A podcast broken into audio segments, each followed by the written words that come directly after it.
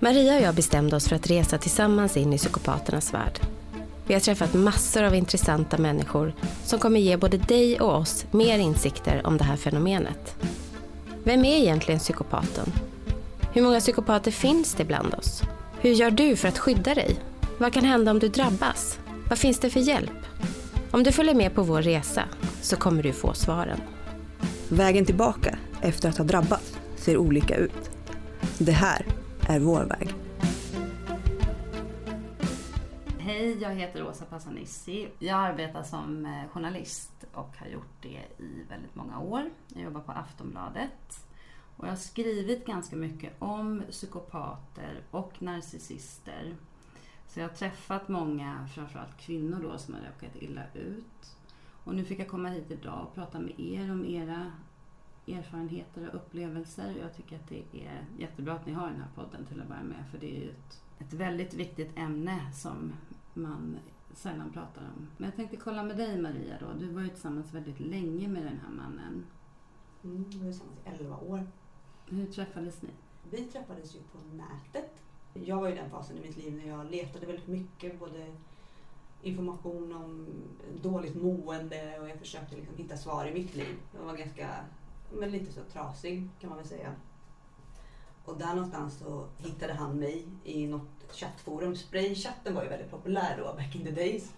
eh, och jag var inte där och raggade utan jag var mest där nästan och pratade med människor väldigt mycket. För att jag ja, men var lite ensam. Så. Var det han som tog kontakt med dig? Ja.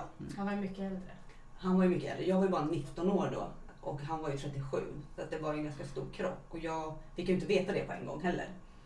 Han var ju ganska ung och härlig på sin bild. Mm. Jag tänkte väl att det här är väl en, någon i min ålder, kanske 25. Men så var det inte. Nej. Och ni eh, prat, chattade då ett tag och sen så bestämde ni er för att träffas? Vi chattade ju, första kvällen så chattade vi i några timmar och sen ringde han upp och så pratade vi väl i säkert sex timmar. Tills jag sa att jag måste tyvärr gå och lägga mig för att jag ska till skolan om en timme. Typ. Och eh, sen så tog det väl två veckor och så åkte jag ner och hälsade på honom. Och sen tog det två veckor till och sen flyttade han hem till mig. Okej, så det gick väldigt fort då? Det gick väldigt fort. Men då kan ni inte ha liksom känt varandra överhuvudtaget? Då? Nej. För det som var, som var med det var att han eh, ville först att jag skulle flytta ner till Skåne. Mm. Men jag hade ingen lust med det för jag hade ju sagt till att jag skulle börja en utbildning till hösten. Året efter. Och det här var ju precis runt jul. Mm. Så jag sa att jag kommer börja den här skolan i augusti Mm. nästa år. Oavsett vad som händer. Det är mitt mål. Så att, då var hans lösning att ah, men då får jag flytta hem till dig. Mm. Och jag tyckte att det var lite bråttom. Nu var ju han ganska mycket äldre än dig och såklart, är man 19 år så kanske man inte resonerar liksom så. Men jag tänker så att du reflekterar aldrig kring att det gick väldigt fort. Jo, och det var det jag sa till honom att jag tyckte att han skulle ha en egen lägenhet och Mm. flytta till kanske då Västerås där vi bodde och att, han, att vi kunde träffas och så. Men då var det ju verkligen nej. Det var antingen eller, av eller på. Eh, och då var jag lite såhär, ja ja men jag har Och, inte så och mycket så att var det på en gång. Antingen så flyttar vi ihop Ja. eller så är vi inte tillsammans. Ja. Eh, och där någonstans så var det att han var ju så himla om, omhuldande och så himla stöttande och så himla peppande.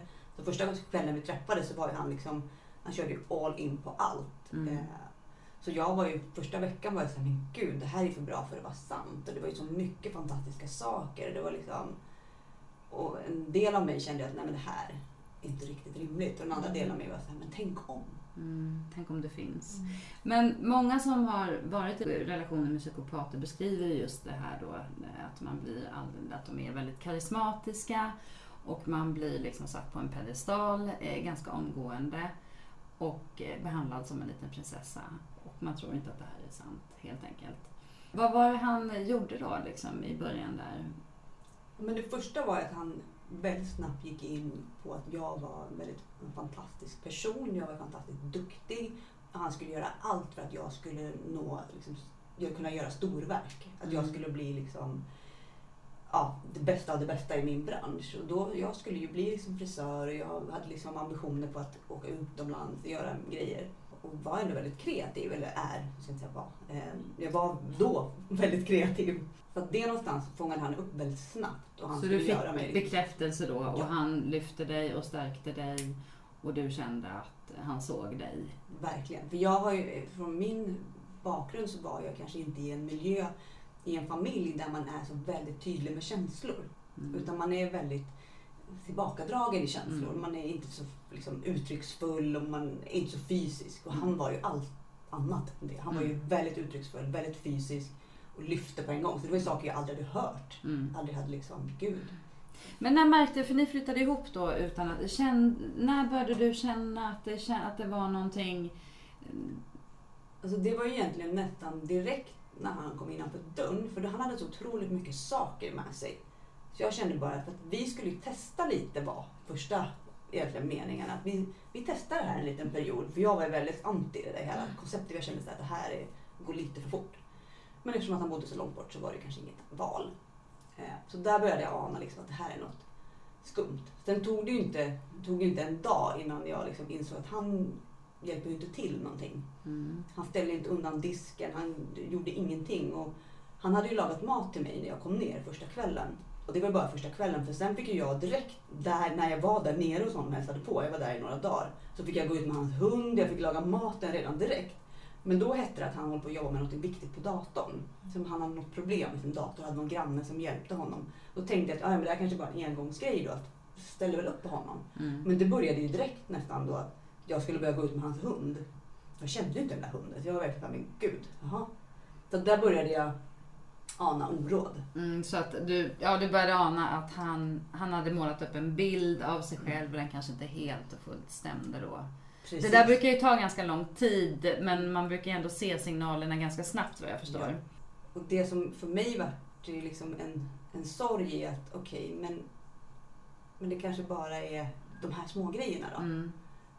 För att han var ju så himla peppande och han var ju så himla fantastisk. Och det var ju verkligen så att jag kände att jag nästan, men gud här har jag ju en chans på, jag kan bli någonting här. Mm. Jag, jag kommer kanske kunna åka till Paris. Jag kanske, ja, kan göra ett storverk. Jag kanske Mm. kan bli någon jättekänd person på det här. Mm. I min bransch. Jag kanske kan bli jätteduktig. Kanske, Och var det också för att han beskrev sig själv som en väldigt stor och viktig eh, person då? Ja. För han hade ju också väldigt mycket kontakter inom modebranschen och han minsann hade jobbat som modell och han kände mycket duktiga stylister och han hade varit mycket i Paris och han hade varit mycket där och där Mm. och där. Och han sa att jag vet minsann hur man ska ta sig till toppen. Mm. Och jag var ju en ganska blyg och tillbakadragen person. Så jag Mm. kände att jag har väldigt svårt att föra min egen talan och vara väldigt tydlig och säga att jag vill dit. Utan jag försöker bara göra så bra jobb jag kan och göra snygga grejer och vara, liksom, vara mitt allra bästa. Mm. Men jag har inte lätt för att prata mig dit. Och där kände jag, där hade jag problem att ta kontakt med folk, jag hade problem att nätverka. Och han var ju fantastisk på det Mm. kände jag. Att han hade ju liksom en talets gåva. Men då kan jag ju kan jag få det av honom, Mm. hjälp. Så där fick ju han, det var min största svaghet för jag Mm. var så blyg. Mm, Jag hade ju mm. inget jag hade lite nästan scenskräck också. Mm. Så att det var ju väldigt mycket som han kunde bygga upp hos mig. Mm. Och han byggde upp dig men samtidigt så bröt han också ner dig lite grann då? Ja. För det vart ju väldigt snabbt att mina vänner var ju då väldigt dåliga för mig. Mm. Eh, vi var ju som sagt 19 år gamla och vi tyckte om att vara ute på krogen, vi tyckte om att göra grejer, vi, tyckte, vi var ju som ett tjejgäng som umgicks jättemycket. Vi hade ju umgåtts sedan vi var, gick i sexan, sexan, sjuan i skolan. Så vi var ju verkligen supertajta. Eh, Men när han då tryckte på de här svaga punkterna, det vill säga att dina kompisar var inte good enough för dig och så vidare, du borde kanske skaffa nya eller vara mer med honom och så. Hur kände du då? Kände du att, du, att han hade rätt då eller hur kändes det? För jag kände ju mer att, att jag tyckte ju om mina vänner väldigt mycket. Och jag kände ju att visst, vi bor i en lite mindre stad. Mm. Eh, och att de, vi tycker ju om att festa, vi tycker om att ha roligt, vi tycker om att göra grejer. Men jag kände någonstans att det är inget fel på dem. Men samtidigt så sa ju han saker till mig i det att de kommer nu att börja ifrågasätta oss. De kommer känna sig hotade av mig. De kommer känna att, att jag håller på att ta dig ifrån dem och att du inte riktigt är värd det. Vi ska ju liksom göra de här storverken. Och de vill trycka ner och hålla tillbaka dig. För att de vill att du ska vara kvar i den här dåliga situationen som du är i nu och det här dåliga måendet. Och de vill inte dig väl. Så att, så att de kommer säga de här de här sakerna och göra det här och det här. Och när då, då mina kompisar ringde och sa samma saker och ifrågasatte honom, ifrågasatte mig, ifrågasatte vår relation. Då vart de indirekt bad guys på en gång. Mm. Och då Mm. förstod ju inte de den här sanningen och det här som vi var med i. Så man blir ju helt som en sekt nästan. Precis, och det gick ganska fort då för, det, för din del att, att hamna där i liksom underläge kring honom. Väldigt Så att hans sanning blev också din sanning då. Verkligen. Och du trodde på honom. Ja, för jag kände ju någonstans att han hade ju... Det lät som han talade sanning. Samtidigt så kände jag någonstans att det kanske inte är så. Så det var väldigt dubbelt. Men jag kände att jag ska jag riskera att vara kvar i den här stan och vara den här personen jag är, den här svaga som inte vågar ta kontakt, som inte vågar prata, som inte... Eller ska jag haka på den här personen som ändå säger att han kan fixa det för mig? Så att jag Mm. blir den här starka. Men vad var det som gnagde då? För du säger också att du någonstans kände lite tvivel kring om han talade sanning. Det var just att jag kände att, att de här sakerna han målade upp, alla saker han skulle göra. Och han var ju så fantastisk som person enligt sig själv. Och han, han lagade ju mat och han var ju utbildad massör och han, var ju, han tränade jättemycket och han åt ju så bra och han var så duktig att hjälpa till och han gjorde så mycket saker. Men inget av det hände. Det Jag fick ju inte. Laga mat, gå ut med hunden, och allt det där. Jag kände att, men, men då hette det också att han gick igenom en fas, att han mådde lite dåligt. Mm. Och väldigt snabbt in i förhållandet. Vi hade ju... Jag var ju ganska chockad i det här för det gick ju så fort. Så jag kände bara att shit, det här, vi måste bara pausa lite. Bara, vad händer här? Och han reste ner till sin eh, dotter i- Skåne. Och jag var ute med mina kompisar och bara försökte så här, Vi var ute och festade. Och jag var lite ganska full. Men det var ändå som vanligt. Mm. vi, var, vi hade kul. Eh, och jag kommer hem då till liksom hem på kvällen och så pratar jag med honom och berättar att jag är onykter och allt det där. Men då gjorde ju han det till någonting jättefult. Att, ja, men du har ju alkoholproblem. Det hör du ju. Här åker jag bort och det första du gör är ju då att börja dricka för att du har problem. Och du måste ifrån det här för du har grava alkoholproblem. Eh, och skuldbelade det på mig direkt. Och jag kände att men gud, han kanske har sant. Det kanske är sant. Han kanske har rätt. Jag, jag har nog problem. Så att jag måste nog bryta mig ur det här och bevisa för honom att jag inte har alkoholproblem. Att jag inte är en dålig person. Mm. För det gick väldigt fort. Att jag egentligen var en knarkare, jag var ju missbrukare och jag skulle vara i rännstenen om det inte vore för att han hade kommit in i min Mm. värld. Mm. Hade du ångest under den här tiden? Jättesvår ångest. Mm. Eh, och jag var ju också i en situation då som var väldigt allvarlig på många sätt. Jag hade ju då när jag träffade honom en avlägsen släkting som hade behandlat mig väldigt illa när jag var barn. Och det berättade jag ju för den här Mm. mannen. Och i den fasen jag var i mitt liv då så behövde jag väldigt mycket stöd. Jag behövde väldigt mycket vägledning och hjälp för att jag Mm. mådde väldigt dåligt över det här. Och där hittade han ju en ingångspunkt för att kunna, han skulle hjälpa mig, han skulle driva en kamp eh, och rädda mig från det här hemska. Och min familj ställde inte upp på mig, de var vidriga och mina vänner var vidriga, ingen förstod och han var den enda som kunde lösa den här situationen och tog upp någon slags kamp. Och för att jag var egentligen så trasig och förstörd. Men när jag tittar tillbaka på det så jag hade ju tagit ett sabbatsår för att jag skulle vara hemma och läka och gå i terapi och verkligen hitta mig själv. Och jag hade flyttat fram skolan så jag skulle börja till hösten efter. Och de besluten hade jag fattat helt själv. Jag hade kontakt med kvinnojour, jag var väldigt, Mm. hade styrt upp det där. Redan som 19 år gammal. Men i hans värld och i, när han, jag träffade honom så var det tack vare honom allt. Så att jag glömde bort det där. Mm. Så han blev hela din värld då? Så han blev den här räddaren. Mm. Han skulle rädda mig från allt det onda. Och vad hände då när han tryckte ner dig? I det läget när han hade blivit allt? För det som, jag blev ju väldigt snabbt beroende av Mm. att han skulle rädda mig. Men jag var ju också en väldigt, väldigt hemsk människa enligt honom då. Men jag kände ju det själv också. Jag var ju inte så bra. Jag var ju ganska smutsig tyckte jag jag var inte värd bra saker. Men jag kände också någonstans att jag måste, jag måste kämpa vidare. Mm. Det har hela tiden varit min grej från att jag var liten, att jag ska kämpa på. Men jag var ju så lätt att bryta. Mm. Så jag kände mig väldigt snabbt värd ingenting. Och när han då talade om det för dig, då hade han rätt också, tyckte du? Du kände, du, kände, du kände dig dålig då? Om han sa att du var dålig så var du det? Ja. Och då höll du med om det då? Ja, inga. Det var verkligen... Det, var, jag hade, det fanns inte ens en liten röst som sa att han har fel. Nej. Inte när han sa att jag var dålig. Nej. När han lyfte mig och sa att jag var bra, då kände jag att jo, men jag är inte så tokig. Men när han sa att jag var dålig, då var det ja, det är ju sant. Mm. Mm. Inga konstigheter. Så du försvagades då Ja. ganska snabbt men ändå liksom så. Och det här kallas ju för normaliseringsprocessen då när man eh, när det börjar bli normalt att man blir kränkt på det viset utan att man, man ser inte ens att det är en kränkning. Man, man blir inte ens förbannad. En, en människa som inte är i en sån här relation och blir kallad för saker och ting eh, säger ifrån och går därifrån. För att så där accepterar inte jag att bli behandlad. Men i ditt fall då så började du snarare hålla med honom.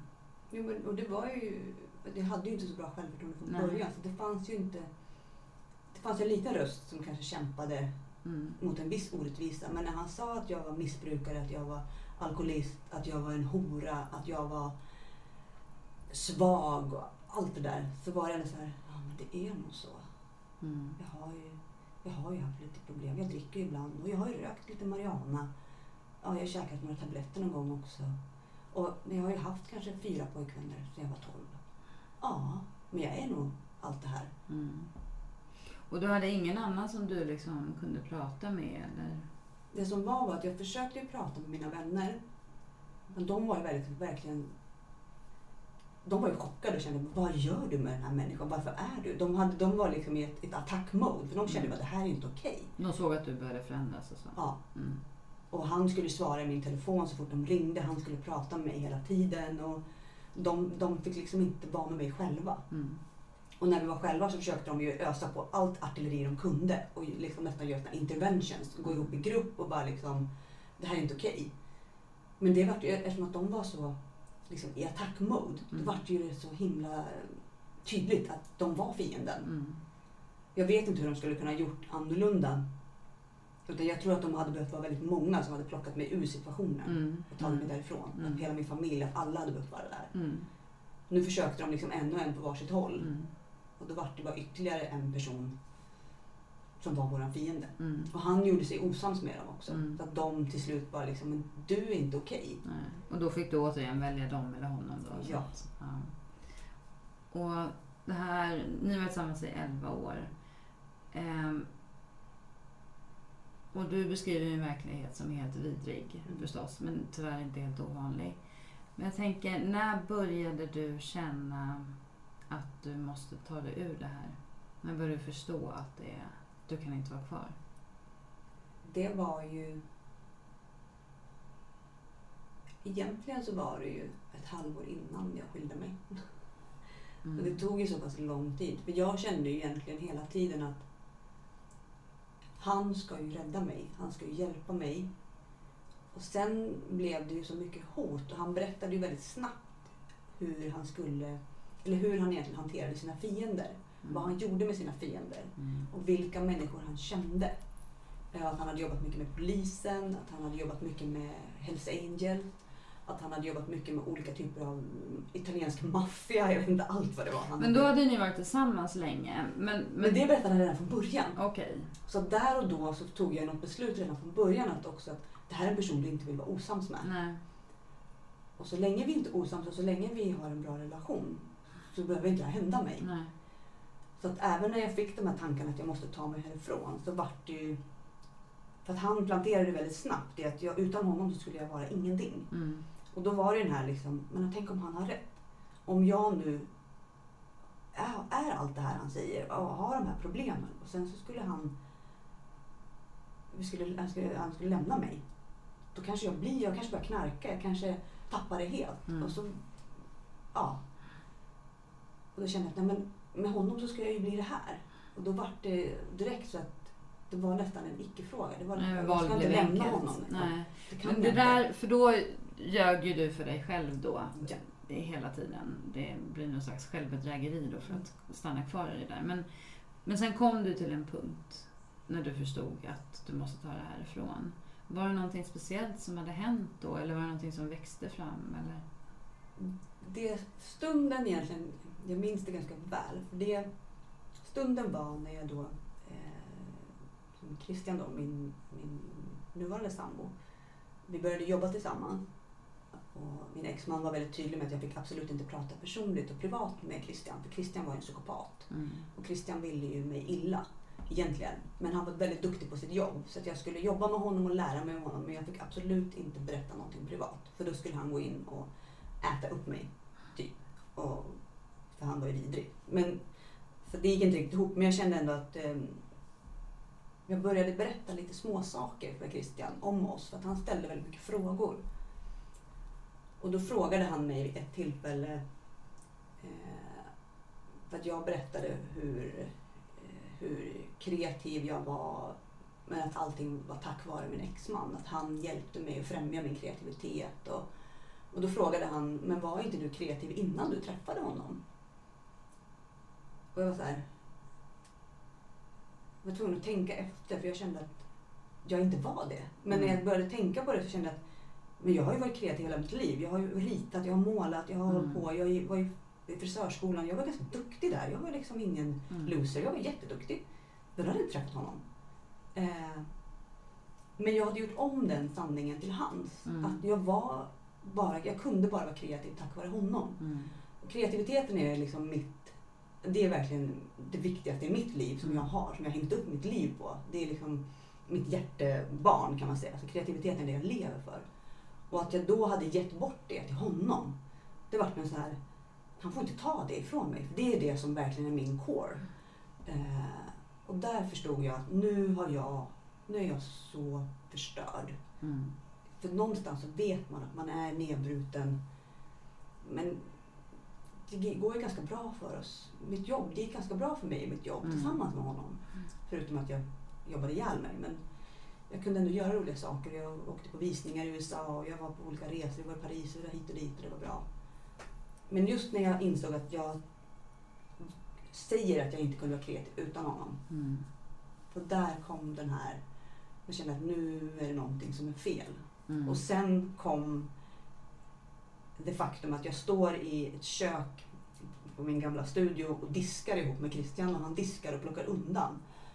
Och jag tittar på den här mannen och så här, han har diskborste i handen och han springer runt och fejar och fixar och säger ingenting. Han vill inte ha, en, han vill inte ha tack, han vill inte ha någon bekräftelse i det. Men för honom är det bara självklart. Mm. Och jag bara känner, men gud, det här är en man som kan hjälpa till. Och där och då vart jag nästan golvad på en gång. Jag blev ju kär i den här mannen. Mm. Och jag hade inte, jag, inte, alltså jag hade inte sett åt en man på de här 11 åren. Mm. Så att någonting i mig var mottaglig för. Mm. Jag blev kär Mm. i honom. Så där var nog, var de två liksom Sakerna nyckelpunkterna. Ja. Och hur berättade du för din exman att du ville skilja dig? Vi hade ju, jag och Christian hade börjat prata privat. Mm. det vi inte fick göra. Eh, och det gjorde vi på kvällarna. På Messenger. Och jag är ute och går med hunden. Och pratar med honom. Och lite om ditt och datt. Det var egentligen inte så mycket om oss så mycket. Utan det var mer att jag kände att jag måste göra någonting med mina känslor. Jag har en massa känslor i kroppen som jag inte kan hantera. Jag har aldrig öppnat mig för en annan människa på det här sättet. Jag har aldrig känt så här för någon annan under den här hela relationen. Någonting är fel Mm. jag måste förändra någonting. Det här är något som inte stämmer. Och då ser jag helt plötsligt i det här flödet hur jag själv skriver Kom hem nu. Jag ser vad ni håller på med.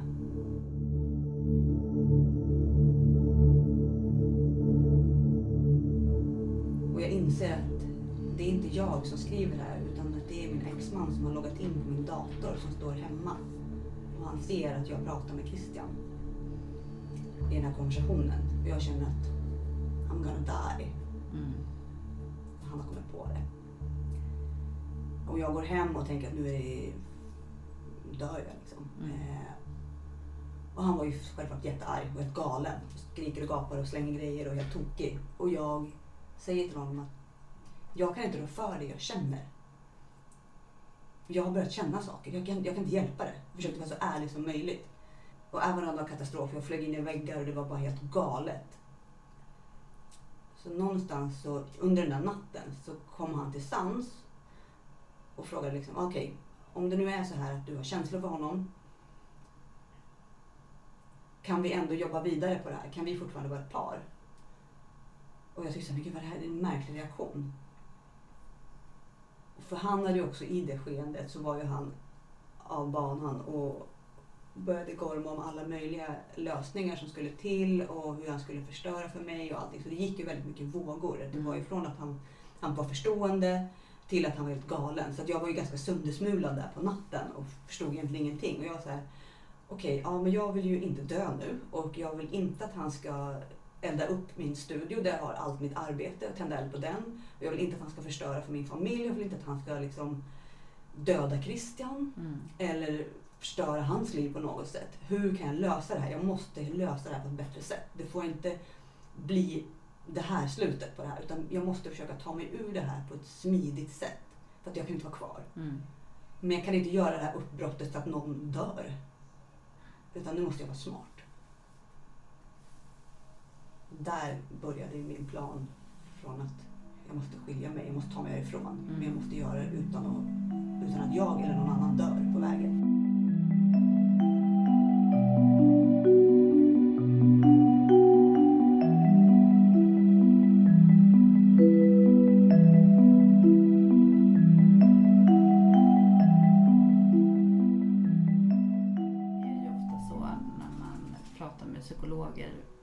Som ska ge råd till personer som lever med psykopater är just det här som du säger att man behöver ha en plan eh, och att eh, och vara väldigt försiktig eftersom den här personen kan bli alldeles galen. Så att du, du började liksom utarbeta en plan i det här.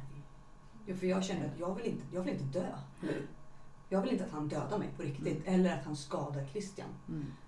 Det är det viktigaste här. Men jag, jag kände också, att, lite som du var inne på, det här, jag hade ingen plan. Mm. Jag tänkte att jag kanske kommer på någon jättebriljant plan. Jag kanske Mm. kommer på den snart. Mm. Jag måste bara måste köpa mig tid. Mm.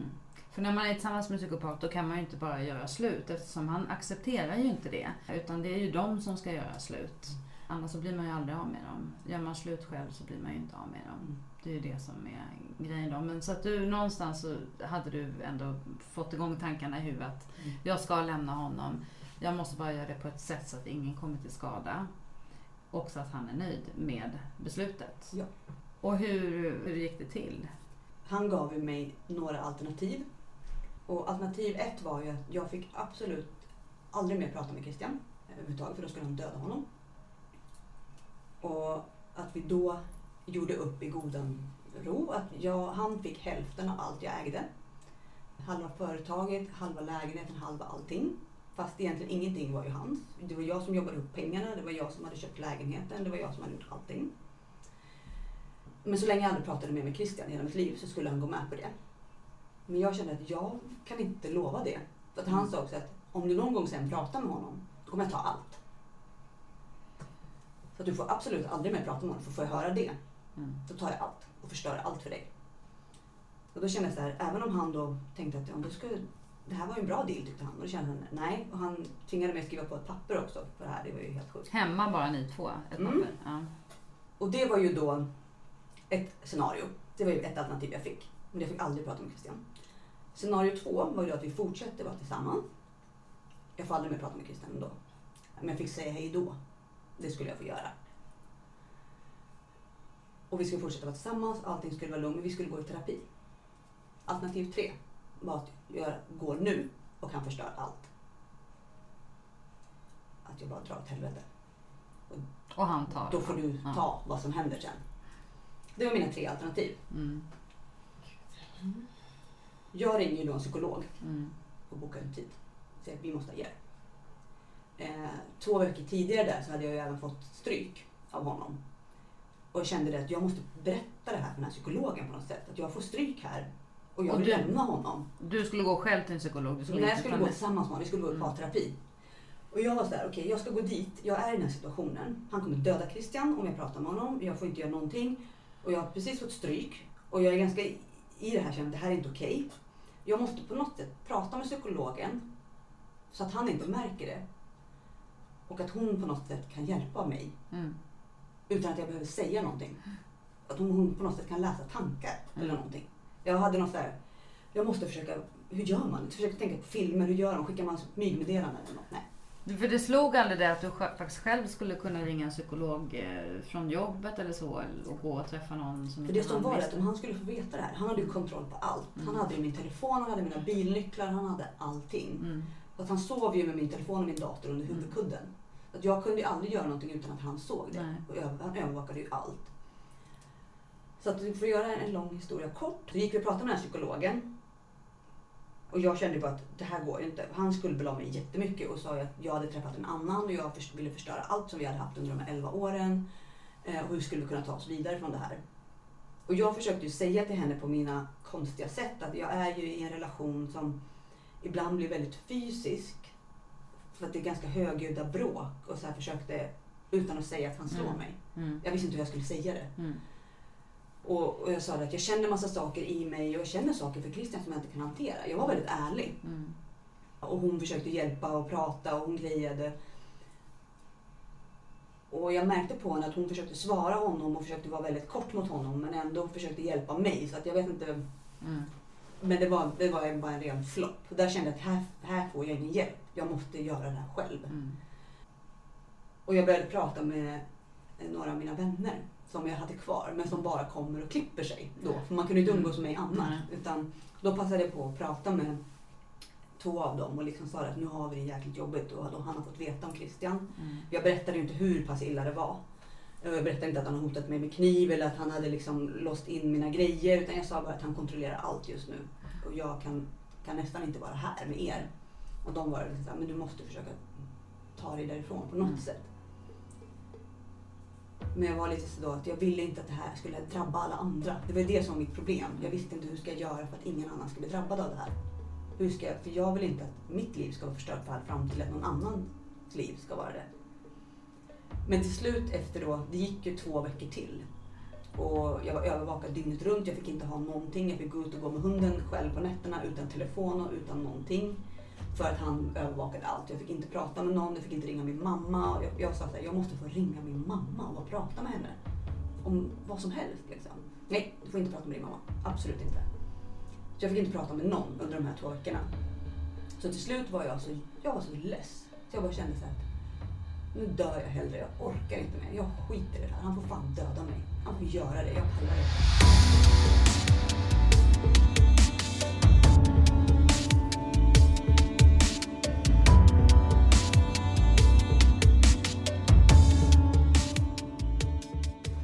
Hade jag var på ett möte runt hörnet här som eh, studion var. Och har gått dit. Eh, jag fick ta med mig min telefon. Jag var så här, wow, jag får ta med mig min telefon och gå runt hörnet till den här killen då som jag hade möte med. Som vi kände gemensamt. Eh, och han stormar in där och har hittat, min, hittat någon mail i min dator där jag och Christian har pratat i en mailkonversation. Liksom.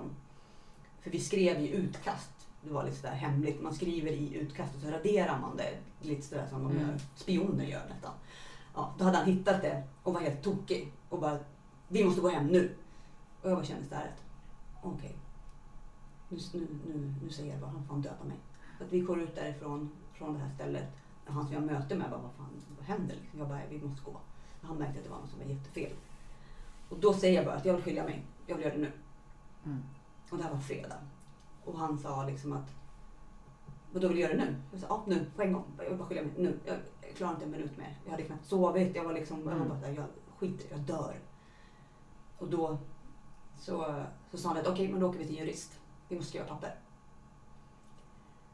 Och då åker vi först till mäklaren. Som vi har pratat med lite grann om lägenheten då. Eh, för vi tittade på om vi skulle sälja den. För att jag skulle tjäna pengar för det var en hyresrätt som jag hade köpt loss. Och eh, mäklaren sa det att, för vi kommer dit till deras kontor i Enskede och han var så här, hej vad gör ni här? Och, och min exman bara, vi måste skriva ett avtal att jag får halva lägenheten när ni säljer den. Och mäklaren sa att, nej men det kan inte jag göra. Det måste en jurist göra. Mm. Det kan inte jag göra så här. Exman googlar upp en jurist. Vi åker bort till Globen där det finns en jurist. Och han ringer dem och säger på vägen i, i bilen och bara säger ni måste hjälpa oss med ett avtal. Har ni någon som kan göra det på plats nu? Och de var så här, "Eh, ja, ja det kan vi nog göra. Vi har en kvinna här som kan skriva upp ett litet avtal. Och, eller så här, Mm. en slags skilsmässo. Vi åker dit och de har förberett ett avtal som då ger honom eh, eh, rätt till halva vinsten av lägenheten. Och eh, fast inte den står på honom och det är inte hans. Och han har ju då dessutom skulder så att hade vi gjort en riktig bodelning så hade han inte fått ett skit. Och hon frågade ju mig några gånger så här, men är du okej med det här? Och jag var så här, ja det är bra, fine, skit i det. Jag, jag skiter i det. Mm. Det är jättebra, det är jättebra. Och han frågade flera gånger, men vill du verkligen det här? Och jag sa, ja skitsamma, bara. Så jag, det var verkligen. Mm. Sen åker vi och tar ut massa pengar från mitt företag. Tyvärr. Eh, som jag fick ju skatta för sen och fick ta ut i lön. Det var ju toppen. Men så ger honom massa kontanter. Eh, köper en biljett till London. Sätter honom på ett plan till London. Och eh, på flygplatsen när vi står i gaten så får jag tillbaka min eh, telefon och mina nycklar och allting. Så att han tog ju telefonen direkt då när vi gick från det här mötet så den var ju körd. Jag fick ju inte ringa någon då heller. Så att, eh, men då fick jag tillbaka det på gaten. Eh, och sen så skickade jag iväg honom så att han flyger till London till en bekant som bor där. Och sen var jag fri.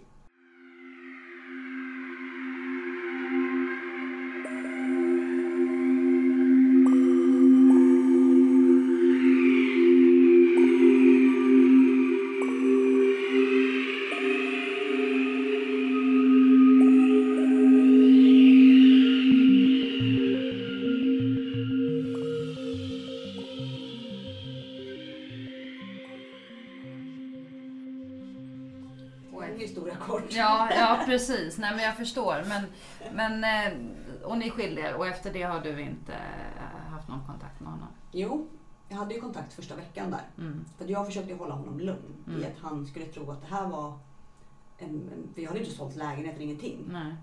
Eh, utan jag bodde ju där och att jag ville liksom, han fick absolut inte komma hem. Det var liksom mitt enda mål. Får inte, han får inte komma hem. Mm. Så han måste känna att det här är liksom under kontroll. Eh, så jag skickade även pengar till honom när han var där, för hans pengar tog ju slut helt plötsligt. Så jag skickade ju mer pengar till honom av mina pengar och försökte liksom få honom att vara där. Men till slut så liksom efter en vecka så kände jag att jag, jag, kan inte, jag kan inte svara på när han ringer. För han var ju verkligen så här att men om du bara inte träffar någon på ett halvår så då, då är du ju inte smutsig och då kanske vi kan hitta tillbaka varann, till varandra igen. Så att bara låt bli, prata inte med Christian, träffa inte någon, smutsa inte ner dig själv, gör det inte bara. För då, då kan vi får inte kasta bort det här och så vidare. Det vill säga du har ingen rätt att Nej, skilja dig utan det är han som driver och styr hela relationen. Mm. precis. Och där så kände jag att jag har ingen skyldighet att prata med den här människan. Jag säljer lägenheter, han får sina pengar, det får vara bra. Jag behöver inte svara på hans samtal. Nej. Men han skulle ju ta livet av sig. Han skulle det ena med tredje och han hade blivit påkörd av någon bil mitt i London. Så att, Det är synd att han inte träffar hårdare då. Förlåt. Där kommer du då. Jag älskar du vaknade just där. Nej men så att, jag tyckte synd om honom också. Mm. Jag ville inte att han skulle ta livet av sig. Nej. Men det, det är ju sånt som de säger också. Ja. En psykopat tar ju faktiskt aldrig livet av sig. De gör inte det. Det är ju, det är ju bara liksom, det är ju också ett indirekt hot Mm. för att man ska komma tillbaka. Jag ville ju bara att han skulle hålla sig lugn. Mm. Att han inte skulle liksom göra alla de här sakerna som han sa att han skulle Mm. göra och förstöra alla de här förstöra mitt liv. Och jag hade ju problem för jag, första tiden fick jag bara liksom rensa alla mina datorer, försöka Mm. liksom ta kontrollen över allt Mm. som jag hade på internet. Allt liksom. Jag hade ingen koll på någonting, jag hade inga lösenord, jag hade ingenting. Han Nej. var ju i allt. Så det var ju det jag var tvungen att försöka rensa och hålla honom nöjd så att inte han började förstöra Mm. Allt. Men när ni hade skilt er, var du rädd att han skulle liksom söka upp dig? Och... Verkligen. Det var därför jag i början pratade med honom, för då visste jag att han var kvar. Mm. Jag kände att så fort han är tillbaka i Sverige, då har inte jag någon koll på Nej. honom. Då kommer ju han leta upp mig och då Mm. är det kört. Mm. Vad, var vad var du rädd för att han skulle göra? Jag var först och främst rädd för att han skulle förstöra studion. Där jag har alla mina grejer, jag har all, alla mina hårskapelser jag gjort genom åren. Jag har gjort mycket såna stora hårklänningar och kreationer som jag har hållit på med jättelänge som har varit liksom min passion. Jag har allt material, alla bilder, jag har massor med grejer som, jag har liksom, som betyder mycket för mig. Och en arbetsplats som jag bygger upp, jag tjänar pengar på. Det är mitt levebröd. Mm. Skulle jag inte kunna jobba, då skulle jag ju liksom hamna på bar backe. Mm. Eh, och den, han visste ju att den betydde väldigt mycket för mig. Något som jag har byggt upp med liksom blod, svett och tårar. Och det är liksom, det är mitt. Eh, och sen var jag ju väldigt rädd för, för Christians skull. Att han skulle skicka, för han sa att han skulle skicka Hells Angels efter honom. Och han beskrev även hur han hade gjort det och de var på väg ner och det var hit och dit och det var, ja, det var helt galet. Eh, så där var jag väldigt rädd för Christians skull. Mm. Och att han skulle förstöra för mig. Och, för det, det som var mycket med honom var att han ville förstöra mitt rykte. Mm. Och när jag tänker på det i efterhand så känner jag så här, men vad skulle han kunna säga som skulle få alla de här människorna att bara hata mig? Mm. Hela internet skulle hata mig. Vad skulle han kunna säga? Mm. Vad- Vadå? Att jag rökte Maja när jag var 15? Eller att jag... Vadå? Att jag drack lite mycket under en period när jag var liksom... Men vad, ska, vad, vad med mig skulle vara så hemskt egentligen? Men det var precis som att han, när han sa det där så var jag så här, "Nej, men han skulle säkert kunna hitta på något Mm. som skulle göra att alla skulle hata mig och jag skulle vara ensam. För att det var egentligen... Jag visste inte riktigt vad jag var rädd för. Nej. Det var det här hotet som var så os... Det var liksom... Odefinierbart, Ja. det bara fanns där. Mm. Eh, Men sen eh, slutade han att höra av sig då efter... Jag sa åt honom att ring mig inte mer. Nej. Så slängde jag på luren i örat på honom. Och när var det? Det var på Stadsgymmet i, här borta på uh, Birger. Mm. För att jag, han ringde mig och var liksom helt upprörd över att han inte hade fått några pengar. Och han skulle ha det och han skulle ha det och han skulle göra det och det var så. Och, för han hade ju tagit min kamera och han hade ju tagit datorer och han hade tagit allt. Och min kamera var ju liksom mitt allt. Det var så här, den får du inte ta. Och den hade han tagit. Så då hade jag precis fått veta att jag hade fått tillbaka den. Att han hade då gett den till någon av sina kompisar och att de på något sätt hade fått tillbaka den. Eh, för att jag skulle, den var liksom på väg. Och det hade jag fått bekräftat. Och då kände jag så här, jag behöver inte, jag orkar inte, jag kan inte liksom, Mm. han får fan, det får, det får gå åt helvete då. Mm. Och jag hade ju då tagit kontakt med en underbar jurist som jag idag fortfarande har kontakt med. Eh, som är fantastisk. Och hon försökte verkligen hjälpa oss. Liksom hur det här fruktansvärda avtalet som jag hade skrivit på hos den här juristen. Och liksom hur jag skulle kunna liksom på något sätt ta mig ur det på ett sätt. Mm. Jag behövde ju betala honom lite självklart men det var inte rimligt att jag skulle göra alla de här grejerna Nej. som stod. Eh, så jag kände att jag hade den här personen som backup. Jag hade Mm. Christian hos mig och jag hade liksom pratat och berättat för min familj lite grann. Mm. Så att jag kände att jag vågar, jag vågar nu liksom Mm. be honom fara och jag bara hoppas att de inte blir drabbade. Eh, för jag hade berättat för min mamma, min pappa och min syster och liksom de allra närmaste att det är inte bra det här. Inte exakt vad som har hänt men de förstod också att nu, Mm. Mm. det var värre än vad vi trodde. Och sen dess har han inte hört av sig eller? Nej, han, jo, han mejlade eh, när jag hade avlivat hunden. Eh, för det här var vi skilde oss ju fredag den 13 september. Jag tog bort henne i april, året Mm. efter då. Och då mejlade han och sa att jag var en fruktansvärd människa som inte hade berättat för henne att hon, eller för honom att hon var dålig. Och att han hade velat ta farväl. Och han hade inte brytt sig om att höra av sig om henne. Och han sa ju det att hon har det bättre med dig och jag kan inte ha en hund. Så att det, så att det var ju bara för att ge mig någon slags dåligt samvete. Mm. Att jag var ett monster som hade Mm. tagit hans hund ifrån honom. Hon var 14 år gammal och hade en jättestor tumör i magen. Som han inte hade brytt sig om innan överhuvudtaget. Liksom. Han hade inte brytt sig om att hon var sjuk knappt. Så att det var, jag kände bara att jag svarade inte på det. Mm. Sen har han ju gjort intrång. Han har försökt komma in via liksom min dator och på nätet och hacka hemsidor. Han har försökt greja. Mm. Eh, men han har inte kontaktat mig per telefon eller per mail. För då har han ju på något, någon nivå så har han ju förstått att det funkar inte. För så länge de, som, de tror att det funkar så fortsätter de ju. Ja. Men då, då insåg väl, kom väl han till någon slags... eh, han märkte att. Christian gick in ganska Mm. snabbt Mm. och blev en del av mitt liv. Mm. Och då fattade han också att här, hon har ju honom. Hade jag inte haft Mm. Christian tror jag nog att jag hade blivit, eh, det hade blivit svårare och jag hade nog fått mer kontakt av honom. Det absolut.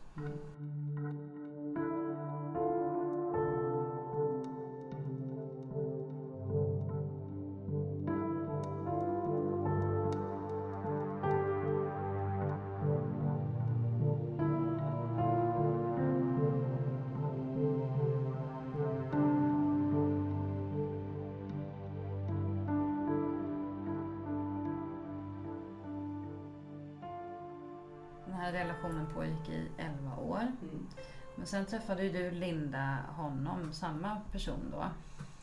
Usch ja. Mm. Mm. Nej, Jag bara tänker på när jag hör storyn. Jag har ju hört, jag har inte hört allt, men jag vet ju vissa delar eh, var jag förstod ju jag pågick under tiden som vi var tillsammans men med en annan story från honom såklart som jag inte riktigt fick ihop eller kunde köpa så jag försökte ju med det här, jag bara, ja men det är kanske bådas fel då. Ja, du vet. du träffade ju honom egentligen. Oktober. Oktober. eh, Vi började prata med varandra i oktober tror jag. Och jag, i november så träffades vi Mm. live där. Och då var det fortfarande tjafs på advokat och alla sådana Mm. saker. Kommer jag ihåg. Och han fick lämna tillbaka datorn som enligt honom var hans. Då, då. Och hur beskrev han eh, Maria då? Fruktansvärt. Men Mm. samtidigt när han, så märkte han ju när han gjorde det att jag inte riktigt köpte allt. Nej. Utan jag ställde ju kontrollfrågor liksom, frågor tillbaka. Så att han tonade ju ut det där Mm. rätt bra. Men jag, jag bara måste säga, det är helt otroligt att du har klarat dig så jävla bra och så jävla grym. Jag fattar efter att ha levt i 11 år med det här missfostret. Ja. Det är, ja, nej, men det är verkligen, det är helt, ja, Ja. det är, jag är imponerad. Ja, men och inte liksom helt och så bra och allt, allt. Ja, vi sitter ju här nu faktiskt, inte i min garderob utan Nej, i min studio. Ja, exakt. Och som är helt amazing också med frisör och konferens och butik och hela... Han har inte ens varit med någonting. Nej, för att han var ju aldrig det egentligen. Man kallar sig för VD då. Han ens... Men det är ju fantastiskt hur man faktiskt kan bli hel och ta Ja. sig tillfriskna ifrån en sån här eh, dysfunktionell, farlig relation och komma på fötter igen. Mm. Eh, och nu vet man ju inte vilka som lyssnar men det är väl det budskap som jag tror att ni vill Ja. sända ut Ja. här. Liksom, att det går, Prata om det, berätta om det och... går att bli hel. Ja. Liksom. Bara se till att hitta folk som du kan prata med och Ja. liksom bearbeta verkligen och sök hjälp, KBT, allt möjligt. Alla människor som är kunniga inom ämnet. Ja, och möter man på någon som inte vill lyssna så prata inte med den då. Nej, Gå, på nästa, gå på någon som Mm. är bra. Man Och behöver inte mer oförstående. guilt-play. Nej. Nej, och skuldbeläggande människor som ifrågasätter och liksom... Nej, Nej. De behöver man inte. nej, det behöver inte prata med. Nej. Nej men, nej, men mig så lyckades han ju ragga upp eh, efteråt då. Och vi pratade lite om det tidigare. Jag trodde ju på något sätt att jag kände honom. Man, vi umgicks i lite samma kretsar, utkanter. Det var mingel som vi var på samma, fast vi träffades aldrig. Men ja, sociala medier, man såg hela tiden. Jag hade kompisar som hade träffat honom och dig. Mm. Eh, Så det kändes som att han var sann på något sätt. Mm. Jag kunde ju liksom inte i min vildaste fantasi föreställa mig att han bara var en fake person som han är. Utan det såg ju verkligen ut som att han hade gjort alla de här grymma grejerna som du hade gjort, som han hade tagit äran Mm. för. Så jag tänkte ju att han nog var en rätt bra person, men att det var en ganska olycklig skilsmässa. Och Mm. tråkigt och att, att du hade träffat någon annan, att det var därför att han kanske var lite bitter för det. Och det kan man ju gott bli, tänkte jag. Så. Men blev du också så här jättestört förälskad i honom? Nej, inte från början. Utan han, han var på mig jättemycket och han ville träffas och sådär. Och jag hade egentligen inte tid. Jag hade inte tid med någon relation, inte intresserad egentligen överhuvudtaget. Och samtidigt så var jag i en fas där, för jag hade varit singel jättelänge och mina vänner var på mig. Jag skulle inte träffa någon nu. Jag sa, nej jag vill inte. Jag, jag har det så bra som jag har det. men sen tänkte jag, men bara ta ner garden nu och vara lite jävla Mm. eh, mysig en stund. Och så, och så började han skicka blommor och nallar och grejer till jobbet. Och då skämtar jag och säger så här, typiskt psykopatbeteende, säger jag. Något så här. Mm. För jag är liksom, jag var ju inte eh, så ung när det här hände. Jag, jag sa att jag var 30, jag var 30, ja, whatever. Ja, oklar ålder. Oklar ålder. Men du var 35 plus? 2013, det är fyra år sedan, jag var 37. Var jag. Mm. Mm. Eh, så jag hade ju varit med om, jag har en, en dotter som är 18 idag. och Sådär. Eh, men så bestämde jag mig i alla fall att, att jag skulle vara lite eh, tillmötesgående. Så tänkte jag, men träffa honom i alla fall. Så vi träffades på ett hotell. Och jag bokade det och jag är så noga med att jag betalar också. Eh, jag har full kontroll från början. Eh, och sen så är vi där och han är ju urcharmig då. Alltså så charmig så att det liksom... Och egentligen när jag träffar honom så tänker jag så här, det där är inte min typ alls Nej. överhuvudtaget. Eh, hade jag sett honom så, så hade jag liksom inte... Men man blir förälskad i andra saker. Och, och jag sa det också förut att jag... ex som jag har haft som jag inte är kär i såklart idag. Men jag kan ändå se det för Jag kan tänka, ja men han blev jag kär i på grund av det. Det var en fin människa där, det var en fin människa där. Den här personen ser jag ingenting i. Så jag måste ha fått som en... Hjärnsläpp. Ett hjärnsläpp som utan dess like. Eh, och folk som såg oss sa också så här, hoppas Linda är snäll mot den där lilla knubbiga saken. Eh, så det var, det var liksom utåt då. Så... Men hur, hur best, alltså då tänker jag så här, du, jag har ju träffat dig några gånger tidigare Ja. du är ju en smart och liksom eh, kvinna så. Du känns inte som en person som skulle kunna liksom bli lurad på det här viset. Nej, det, Och vad, vad bestod hans charm av då? Vad, vad, hur, hur var han? Hur han var ju som jag. mm. Eh, och driven, oerhört driven och tror att allt är möjligt. Och jag har ju Mm. gjort en massa saker i mitt liv och kastat loss och jag har bott utomlands. Och gjort, men jag, jag, tror jag på någonting så då kör jag. Mm. Och det är ganska få människor som är så. Mm. Eh, och jag är inte så rädd utav mig att göra saker. Jag är inte rädd för att misslyckas och det har jag gjort många gånger. Och, och jag testar på grejer helt Mm. enkelt. Så jag blev nog så glad att hitta en eh, själsfrände tror jag Mm. i det att han, och det var han ju inte så glad, han hade ju läst på mig och han förstod, han läste ju av mig på en Mm. gång vad jag ville höra. Och vi skulle hitta på massa saker och jag är sån här projektledare så då ser jag direkt hur det här ska gå till och allting sånt. Mm. Och så säger han saker som han vet att jag kommer fastna för. För att jag också är problemlösare. Mm. Och, och tycker att det här, men då kan ju du producera, det vore ju jävligt roligt att gå in och göra det också. Och samtidigt hade jag ju min karriär och så. Mm. Men kul att sitta och spåna med. Eh, det, var, det var mycket det. Och sen hade han ju någonting som gjorde att jag öppnade upp också, precis som du gjorde, och berättade om saker och ting som jag, inte, som jag berättade för väldigt få människor. Mm. Och då hade han ju direkt en hook på mig där. Som han kunde börja peta i. Skuldbelägga, försöka skuldbelägga mig över att jag hade varit med om saker. Men vad tänkte du då när du liksom är en vuxen kvinna och det finns eh, saker som väldigt få personer vet om dig som du ganska snabbt avslöjar för den här personen. Vad, vad tänk, liksom, gjorde du någon egen reflektion kring varför du berättade det här för honom? Alltså innan du började förstå att han var knäpp?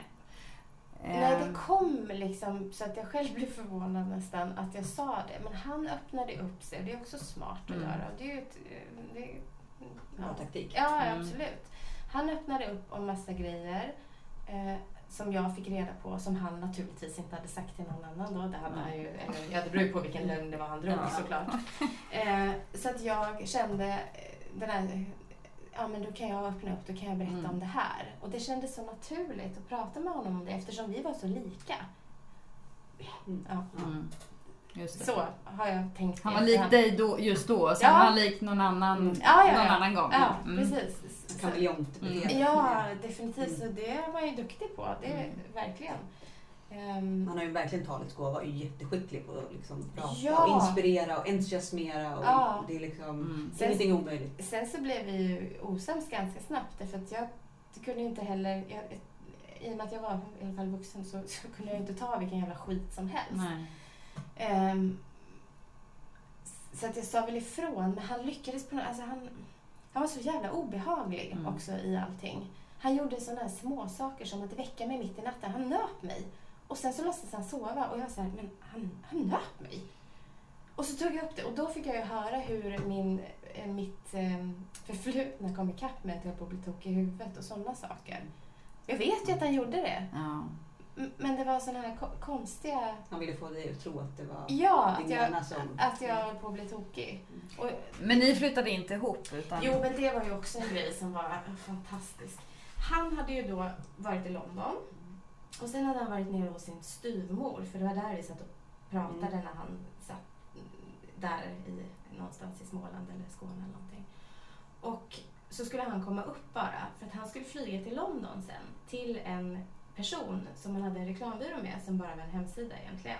Som jag också började ifrågasätta så här, saker och ting men han lyckades jobba bort mina frågor Mm. och, och vända. Du såg att det, det var inte på riktigt? Nej men, det, Men- Jag, jag, sen så, eller jag, jag misstänkte att det inte var på riktigt men sen tänker jag också varför skulle någon ljuga mig rakt Ja, upp i ansiktet om en sån sak? Vilken idiot gör det? Hur, det kan man ju inte göra. Nej. Vilket Mm. man kan. Ja. Eh, men då, fick jag, då, då såg jag, då hade hans det var, jo, då, kom han hem till mig sen efteråt, så han skulle sova en natt till innan han skulle åka till London. Och så dagen efter så är han helt eh, förstörd. Så jag, Kolla, jag har fått det här mejlet, säger han då. Och då visar han mig ett mejl från den här engelsmannen då ska det vara. Jag reagerade på att den här engelsmannen hade fruktansvärt dålig engelska. Men jag tänkte att han kanske, för jag såg en bild på honom, men han är nog kanske inte native då. Mm. Eh, Men då hade han skrivit ett, ett mejl om hur de skulle jobba ihop och hur han nästan försökte utpressa där. Så jag tyckte ju synd om stackars som skulle åka och så hade han ju liksom ingenstans att ta vägen då. Eh, så att jag tänkte, ja men du kan väl stanna ett tag till då tills vi hittar någonting. Så kollar du på lägenheter och sådär under tiden. Det, det går bra, det är ingen fara. Och han hjälpte ju till med min dotters rum och han fixade och grejade och sådär. Egentligen mot hennes vilja har jag ju förstått sen, för han var ju så snabb med att göra om saker Mm. och ting också. Så att han blev liksom kvar. Och under den tiden så började han ju med den där terrorn som han gjorde, brain. Och jag kunde, fick inte sova. Mitt i alltihop är ett fruktansvärt diskbråck också, så jag gick på ganska starka mediciner. Så jobbade jättemycket eh, med, eh, ja, som journalist då, heltidstjänst och hade just blivit chef och så. Och sen så har jag ett produktionsbolag vid sidan av och ett barn och allting det där skulle jag ju sköta. Och samtidigt så sov jag inte och gick på morfin ungefär. Mm. Och det här med alkoholist, det sa jag också, jag är ute mycket självklart. Det har jag ju alltid varit. Man tar, ut, tar en öl Mm. med folk efter Mm. jobbet och sånt också. Och det, då började jag påpeka mina alkoholproblem. Han gjorde ju sådana saker. Däremot, jag nappade ju inte på dem för jag var såhär, nej vännen. Och själv var han ju nykterist då. Mm. Fast han drack ju eh, japansk whisky. För det är ju en annan sak. Så ingenting gick, gick ju ihop. Så att om man skulle lyssna på ett samtal mellan oss så skulle jag nog tänka varför, säger du, va, va, varför fortsätter du ens prata med honom? Mm. Men det är lätt att säga så här i efterhand när hjärnan är klar. Det är ju ganska lätt också, jag har förstått, att man blir fascinerad av en sån här individ. Ja, Därför att de är ju precis just så. De har talets gåva, de är karismatiska, de vet precis vad de ska säga. ja, Och även om man vet att någonting är en total lögn ja, så börjar man ju ifrågasätta sig själv. Eh, Man vet på ett plan att det här är inte sant. nej, Det här kan inte stämma. nej, Man kanske har alla fakta på bordet men Ja. det spelar liksom ingen roll. Han får det ändå låta som att ja, ja.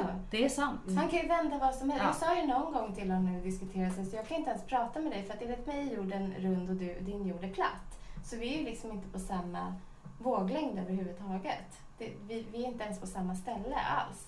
Till och med det lyckades han vända på något konstigt Jo, jag var tyckte mitt ofta att han lyckades, ju, även om jag tyckte någonting från början i samtalet, så lyckades han ändå få mig att känna att det jag tyckte var ju fel och att det var ju dumt av mig att misstro och att alla mina kontrollfrågor var ju bara då mitt sjuka sätt att kontrollera situationen. Och, alltså allt det där.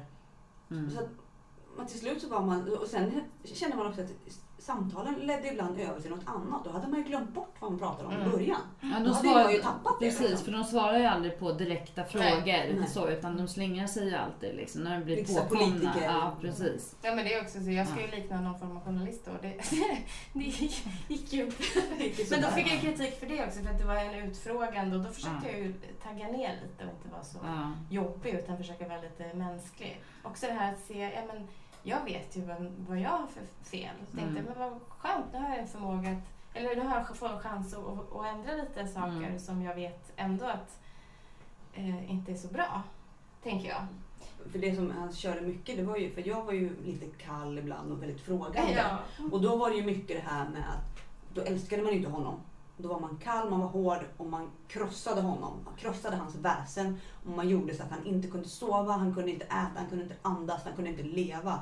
Om man var för hård och ställde hårda frågor eller var arg. Mm. Fast när, jag, när han sa så till mig så garvade jag ju bara åt honom. Jag bara, så, du, du, du kan du ju ligga där och gråta då. Så det, det vi var ju bland Mm. annat, det var ju därför Ja, han var så jävla elak mot mig. Och började med mordhot och eh, avlyssna min telefon. Och det där kom ganska snabbt Det kom i... jättesnabbt så att jag började bli ganska rädd. Och på, I det här så hade vi bokat en resa till Mexiko som vi skulle åka, Mm. eh, han och jag. Och hur länge hade ni varit tillsammans då? Eh, ja, då, det var väl, vi bokade den efter en månad eller någonting sånt tror jag. Så det var liksom två, en och en halv månad. Det, Går undan här! ja, gissa vem som fick notan säger jag. Eh, nej men, och då hade jag panik när vi skulle åka men jag tänkte så här, jaha men vi, vi åker dit så får jag vila min hjärna Ja. som är helt eh, uppe i varv nu så får jag Mm. lite semester så kan jag tänka klart. Och det gjorde jag ju faktiskt då eh, när jag var där nere. För då passade jag ju på att sova på dagen. Och dessutom så var jag ju så feg också. Jag har ju rest ganska mycket. Så att jag Mm. hyrde till och med en chaufför och så åkte jag iväg själv. Så sov jag i bilen under dagen. För att liksom rensa. Då hade han snott alla pengarna när jag kom tillbaka och kort. Men jag hade ju ett kreditkort i BH. Man har varit med förr. Så, Jättebra. ja, Mm. så, jag, så jag hade lite taktiker trots att jag... Mm. Och samtidigt så tänkte jag så här, ja, nu lever du något slags jävla spionliv precis som att... För det här är inte... alltså det är inte... Så jag, ja, jag har aldrig känt mig så... Så paranoid. Nej, helt sjukt. Som ett, en låtsas... eh, Liksom, Nej precis, som en hemlig agent som åker runt där och håller på och, och samtidigt så bara, fast det är ju på riktigt, eller är det på riktigt eller är det inte det? Men det, det eskalerade då när han försökte dränka mig, när det, i, när det blev riktigt illa.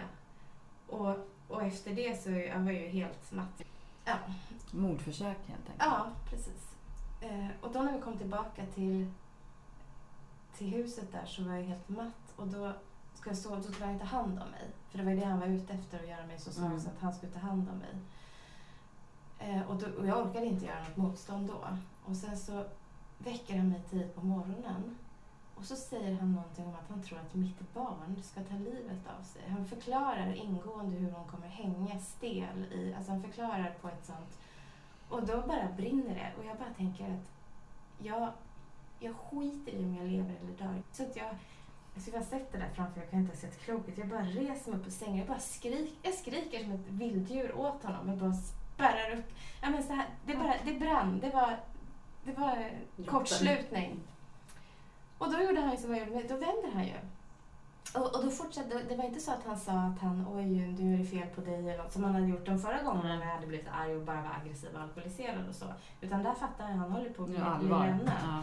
Så att då ville, då skulle han ju lämna mig i fred och ett tag så att jag fick tänka på saken och allting sånt. Och sen så skulle vi ju fortsätta vara tillsammans. Han hade ju förstått hur, eh, hur, hur illa han hade gjort mig och alla sådana saker. Och vi skulle ändå hålla ihop. Och, och, och så berättade han att han var ju väldigt rädd för mig. Och det var ju det som hade gjort att han hade varit lite aggressiv ibland. För han var ju rädd för mig. För det ser man ju på mig att jag Du är en helt person. Så, och, och det var då jag kände att vi skulle åka hem. Då gjorde jag faktiskt så. Då Mm. höll jag honom i handen och sa jag älskar dig och allting sånt. Och bara det, alltså, att Mm. säga jag älskar dig efter att man har känt varandra en kvart också. Mm.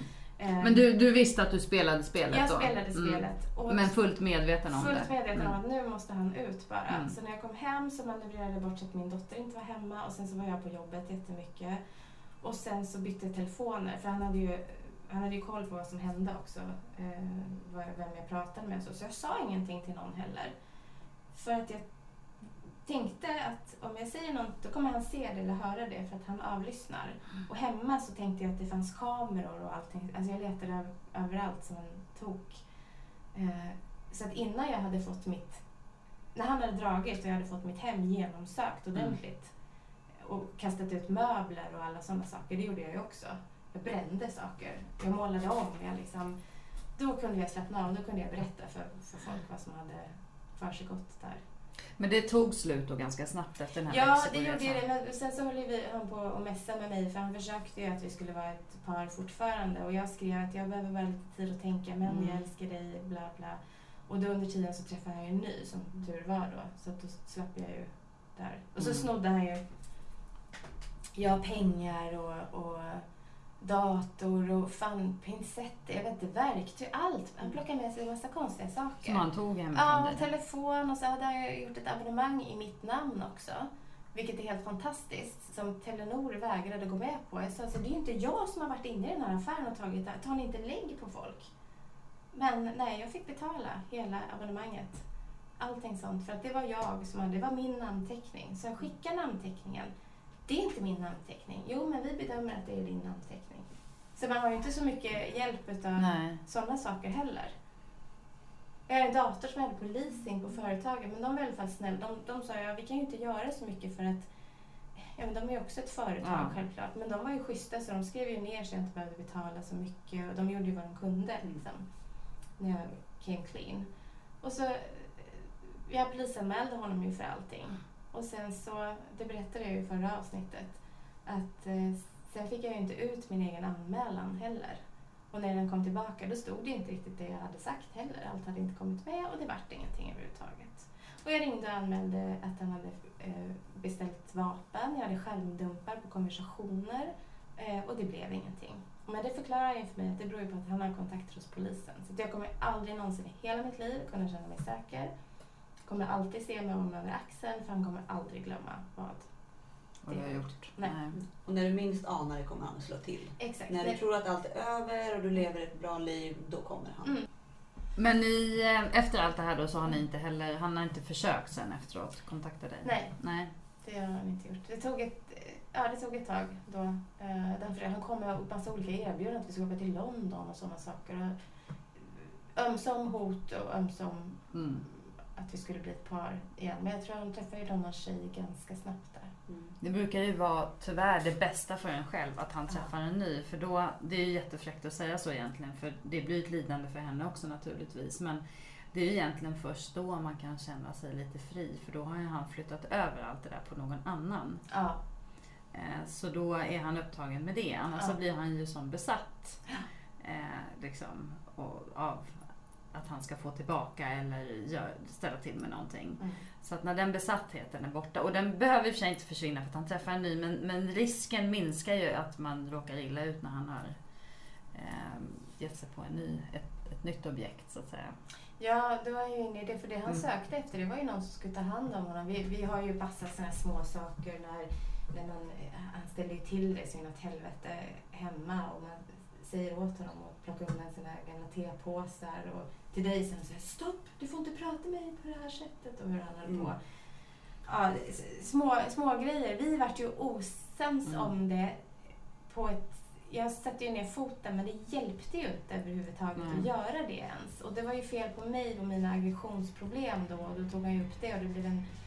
Och jag förstod att det han sa var helt fel men jag orkade inte. Nej.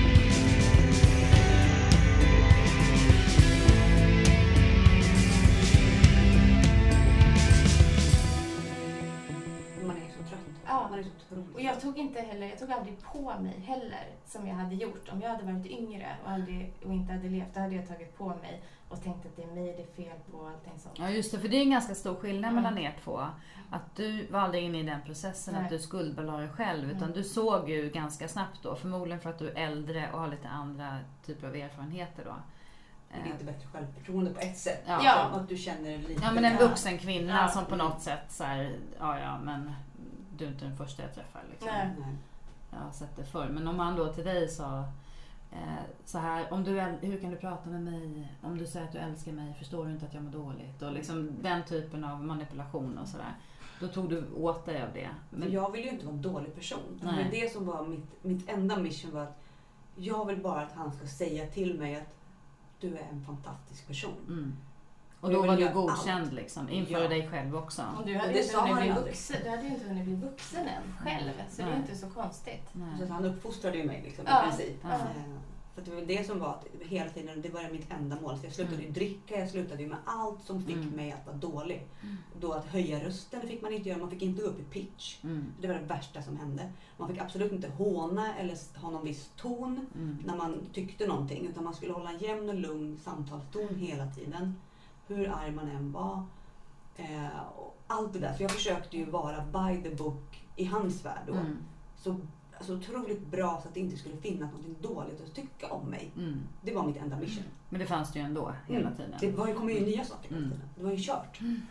kört. För det är väl det som också är ganska typiskt psykopater och narcissister skulle man säga då också. Att de, eh, de blir ju aldrig nöjda.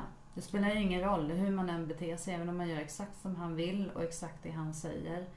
eh, Så, så är, då hittar de på något annat fel. Eh, Så att det, är- Så jag blir aldrig nöjd. så det, det kan liksom, en sån här relation kan ju aldrig bli bra. Nej. Den kan ju aldrig utvecklas på ett sunt sätt. Nej, och det, de, de hittar ju också vägar. För dig lyckades med alkohol och aggressiv. Mm. Och mig sa jag också det. Och så sa jag, jag har inte problem med alkohol. Eh, min dotter sa till honom, för hon hörde det, så han sa du ska bara veta att jag har under den tiden som du har varit här hemma så har du druckit mer alkohol än vad jag sett min mamma inta under hela min livstid. Mm. Säger mitt kloka tonårsbarn. Men då hade jag ju förstört hemma också. Så Mm. det var ju såklart, det var ju något annat då. Eh, och jag har, ja, aggression. Ja men det tänkte jag väl lite, men jag ska väl vara lite mjukare då. Mm. För det är väl inte min bästa gren att vara. I början Mm. så tänkte jag ju att Mm. ja, men vissa saker, det är väl bara bra att man utvecklas ihop med en människa Mm. på ett sunt och normalt sätt. Men det var ju inte så. Och sen när han började försöka hålla på så här, ja, men samma sak så att man, man hade legat med andra. Så vad, vad tror du? Hur, hur tror du att mitt barn kom till egentligen? Liksom, Hon bara ramlar ner. ja, nej men jag är 37 och har gått där och väntat på dig hela livet. du. Men så man kan säga att mellan er så blev det ganska snabbt en kamp. Ja. Eh, så han, som förmodligen gjorde honom extremt frustrerad Ja. då. För han, han försökte hitta sätt och sen när han insåg att så här, jag når inte henne på det här sättet så skulle han börja på det andra viset då där i Mexiko. Att eh, ja, men, eh, vi tar det lugnt eller Mm. börjar vila och fram och tillbaka. Så att, det är också intressant hur de svänger i sina sätt att få det de vill ha. Ja, sen tänker jag på misshandel. Misshandlade dig och så har folk frågat mig, slog han dig? Så tänker jag så här, ja egentligen, men han, han vi skojbråkade ju. Mm. Eller jag bråk, skojbråkade inte. Han gjorde det. Så att jag råkade slå huvudet i väggen. Jag rå, eh, nöp mig Mm. på natten, det gjorde han inte alls det. Han råkade ju bita mig lite hårt så att det gick hål på skinnet Mm. och sådana Mm. saker. När vi faktiskt bara kelade lite. Mm. Ja. Mm. Så råkade han ju liksom hålla Mm. hålla handen. Så det var inte meningen att han skulle resa sig upp att nästan krossa struphuvudet. Så. Precis. Men, men när, när den här relationen tog slut då, mellan dig Linda och honom så undrar jag vad, vad tänkte du då? För du måste ju liksom ha suttit med dig själv någon kväll och bara tänkt så här, vad var det här? Ja, jag tänkte att nu, nu har det nog så här illa Mm. som jag upplever att det har varit kan det inte ha varit för det är helt sjukt Mm. på den här tiden. Och det var ju då jag började kolla. Jag kollade ju på Facebook, jag kollade på, på dig då och er historia och allting sånt. Titta på Christian som jag hade haft så mycket skit om. Mm. vi är nya där. Och, eh, och så insåg jag att det finns ju bara ett sätt för mig att ta reda på det. Jag måste prata med dem. Men jag vågade inte kontakta dig då Nej. direkt utan då kontaktade jag ju din nya där Mm. och bokade en lunch bara. Tänkte jag, jag bara briefar lite. Jag hör lite Mm. grann. Vi behöver inte prata så djupt men då kanske jag kan få reda på om, om jag ska ta in på psyket eller om, eller om det är han som borde vara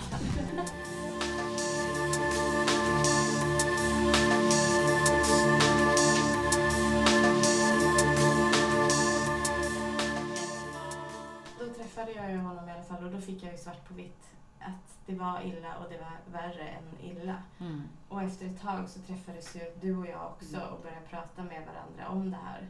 Vilket ju har varit jätteskönt och har påskyndat processen med att läka jättemycket. Det är så slippa känna att man är galen. Ja, att det, är, det är verkligen inte jag som är tokig och Nej. är helt av banan utan det är faktiskt en människa här som har planterat alla de där tankarna i huvudet på en. Ja.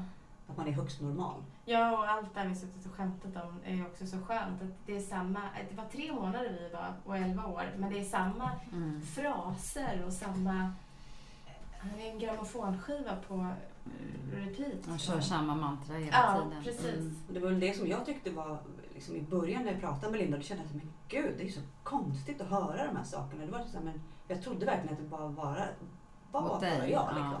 Och sen exakt, det är precis som Mm. du säger på repeat. Mm. är Men det måste ha varit läkande för dig att höra då. Eh, att, att det, är liksom, det här hade ingenting med dig att göra, utan han gjorde exakt samma sak med nästa. Och han har för, förmodligen gjort det innan också Mm. och han kommer göra det igen. Mm. Eh, beteendet ligger hos honom.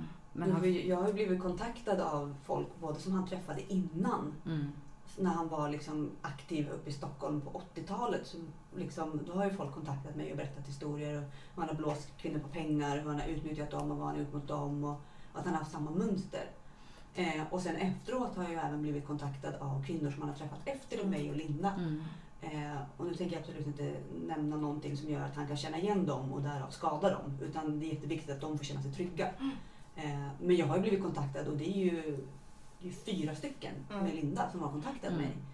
Eh, och frågat mig, liksom, är jag tokig? Behöver jag vara rädd? mm, Vad, vad ska jag göra? Eh, och då känner jag ju också att det här är ju, det är ju något som är riktigt fel. mm, Det är ju bara en bekräftelse på att det, det är verkligen, han är ju tokig. Han Mm. Det är ju något som är riktigt fel. mm. Han bygger låtsasföretag och håller på. han har ju inga, eh, han har inget dräggat företag, han, han har ju massa skulder hos Kronofogden. Han lyckas ändå driva barer och restauranger och alla sådana saker. Mm. Och få folk att tro på honom. Ja, om och igen. Sen- reklambyråer och allting sånt där. Det är, Men det är ju det som är deras vapen. De Ja. pratar sig in överallt. De är så oerhört övertygande. Mm. Eh, Men hur ska man göra då? Man ska liksom egentligen begära bevis för saker och ting. Eller hur? För det, någonstans när man träffar en sån här människa får jag en känsla av att det, någonstans så tänds det någonting som gör att man känner att det här är, det känns liksom konstigt. Och deras beteende kan ju också vara att de håller nästan ett, en föreläsning eller att de mässar eller att de liksom håller hov på ett annat sätt. Jag tycker inte, när jag har träffat den här typen av individer då har inte samtalen varit liksom vanliga samtal. Utan det har mer varit en, en, liksom en enmansdialog där han har liksom förklarat och talat om saker och ting. Det är massa sanningar som Ja, kommer ur deras exakt. munnar. Mm. Jag tror att man, man ska ha breaks ifrån dem hela Mm. tiden. För det kan ju vara att man bara misstänker det. Och Mm. det kan, behöver inte vara så. Nej. Men jag tror att det är viktigt att, att för de hör ju av sig, han hörde ju av sig hela tiden. Fick ju nästan aldrig vara i fred. Och på jobb, dök upp på jobbet och sånt också. Men att, att ha... Bara, nej men nu hörs inte vi på en vecka. Klarar personen det? Och, och varför? Ja, man kan bara säga, nej jag tycker jättemycket om det, vi hörs inte på en vecka. Eh, Mm. Vi ses inte.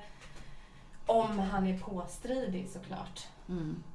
Och sen kolla upp, försöka googla lite, Ja. försöka ta reda på och, och lite som vi även har pratat lite innan om det här med att man ska kolla vad har han för familj och allt runt omkring. Mm. Vad är det för typ av liv? För som, när vi träffades så fanns ju ingenting. Nej. inga, inga foton, det fanns nästan ingen information någonstans. Det var liksom som, Och inga vänner och Nej. ingenting. Nej. Nej men man behöver ju... mm, Jag har ju aldrig förut eller efter träffat en sån person heller. Så att det är svårt, för det är svårt att säga så här när man har gjort det att ja, men Mm. då ska man tänka så och så. Men om någon kanske kan bli hjärtad så bara ta en paus och låt honom inte komma nära. nej, flytta inte in. Nej. Det var liksom det Ja, bästa. och känner du dig jagad på en gång och, och att personen kräver uppmärksamhet av dig hela Mm. tiden, då ta ett steg tillbaka. Om det är en normal konversation och där man känner själv att man vill höra av sig och man, man är två som delar. Mm. Men om man bara blir... Stressad Ja. och, och, och sen kanske försöka, jag tänker bara så att man kanske ska prata med andra personer också, stämma Mm. av. Eh, lite grann det här som tjejer kanske normalt sett också gör när man träffar någon ny. Ja men nu sa han så här och sen så Mm. händer då. Men att man gör det liksom och om ens kompis på riktigt säger då att men det här, varför sa han så? Att man lyssnar på dem liksom, som du då inte gjorde för att du var så ung och så. Men, men det, det tror jag att man får ett, liksom ett frö sått någonstans i det här som kan läggas ihop sen. För man lägger ihop allting Mm. till slut. Eh, Och det är ju alla de där små signalerna och sakerna som gör att man till slut klarar av att lämna den här relationen. För där tror jag också, lite som du är inne på, just det är viktigt att man pratar och berättar för någon. Man har en vän som man hela tiden berättar lite för Mm. hela tiden om hur relationen är. Mm. Att idag har vi bråkat och idag har vi gjort det här. För att en su- sund relation och en sund person som man pratar med, de, de kan ju se skillnad på att det här är ett vanligt bråk Mm. och det här är något som är fel. Eh, så att idag till exempel i min relation där jag är nu, där har jag liksom vissa vänner som står mig väldigt nära där jag berättar. Nu berättar jag inte allt vad som händer mellan Mm. mig och min nya, men jag försöker berätta saker som jag blir osäker på. Liksom, är, det här, kan, är det här normalt? Liksom? Kan, man ha, kan man ha den här dialogen? Och hur, blir, hur blir det liksom när man bråkar? Är det här normalt? Kan jag slänga på telefonluren? Är det rimligt? i det här? Alltså, bara ge lite sån här reality check. Har vi en sund relation? Mm. Ehm, och sen då att man pratar med flera när man träffar folk. När man träffar en ny person, så berätta för mamma, berätta för pappa om ni har sådana i ditt Mm. liv. Och kompisar, så att det inte bara är en som ger åsikten. Mm. För kommer det från fem, sex, sju personer att de börjar så här, det här är någonting som är fel. Då är det dags att dra öronen åt sig. Mm. Och om han börjar snacka skit om dina vänner som du tycker om också. Och din Jag menar, familj. man, kan, man behöver ju inte gilla dem men de flesta är ju smarta nog Mm. att kanske hålla tyst om det då. Ja, och då kanske man bara inte behöver umgås. Om Nej. man har en jobbig mamma eller en jobbig Ja. polare, ja men då, kan, då träffas ni. Ja, Och sen kan ni göra saker ihop. Vi behöver inte umgås. Nej. Men man ska inte ställa kravet att ni, ni inte får träffas. nej. Det är det som är skillnaden tror jag. Och Att sen när man här- är vän eller förälder eller någonting sånt, att man finns kvar tänker jag. Mm. Så man inte tycker att "Nej, men, hon eller han är så dum i huvudet som får skylla sig själv till slut. Mm. De fattar ju inte när jag försöker. Utan bara, bara vara där tror jag är jätteviktigt. Mm. För förr eller senare så går det sönder och då behövs man där. Mm, Och då är det bra om man har kunnat vara där under tiden. För det Mm. går inte... Det, det är inte alltid det, det funkar att gå in och, och bryta utan det har motsatt effekt. Men då är det ju bättre att kunna vara en fluga på väggen istället. Mm. Mm. Men jag tänker på en annan sak. Det brukar heta silent treatment. Jag vet inte om ni har varit utsatta för det. För det är ju också ett så här vanligt, en vanlig härskarteknik. Mm. Eh, som innebär att eh, om du inte gör som jag säger, då kan du inte kontakta mig. Då stänger jag av telefonen. Då får du, då är liksom så. Och blir man utsatt för det då, då om man är i det läget att man är förälskad, då får man ju fullständig panik. Och börjar jaga den här människan. Och sen när man då har gett upp det, då kommer han tillbaka. Så det är också ett sätt att manipulera och skapa makt över en annan person. Eh, jag har varit med om det en Mm. gång. Eh, när jag till exempel ville träffa en tjejkompis. Eh, och då, då kunde den personen som jag var tillsammans med då för länge sedan göra det här mot mig. Att så här, att, ja, men om du väljer att gå ut med henne så... Eh, och sen så valde jag ändå det. Och då blir han oanträffbar då i tre dagar. Det är tr- straff... eh, Ja, nej men absolut. Ja. Nej, ja, det, det- har jag hört många exempel på. Men den här människan kunde inte hålla käften så han hade aldrig klarat någon silent treat. Nej, nej men jag tänker på, för det Ja. finns ju massa olika Ja. sätt att, att liksom manipulera och trycka ner en annan person på. Ja. Eh, både verbalt men också den här typen av Mm. beteenden är också väldigt Ja, men det, jag aggressivt. tror att det är bara vad som ligger för dem Mm. helt enkelt. Som, som, det finns ju olika sätt att göra det på men han kunde inte göra det därför att han hade ju ingenstans att ta vägen. Nej. Eh, han ägde ju inte där... där eh, Han hade ingen egen lägenhet, han Nej. hade ingen eget ställe att Nej. fly till. nej, Nej. annars hade han nog kunnat... Det, Verkligen. För det som han körde med istället då för att vara tyst, då var det det att det blev olika typer av bestraffningar. Mm. Mm. Eh, och där var det ju liksom, om jag då gick ut med den här väninnan, Mm. Då var ju då bestraffningen att han var ju så ledsen och mådde så dåligt. Och då gjorde han ingenting.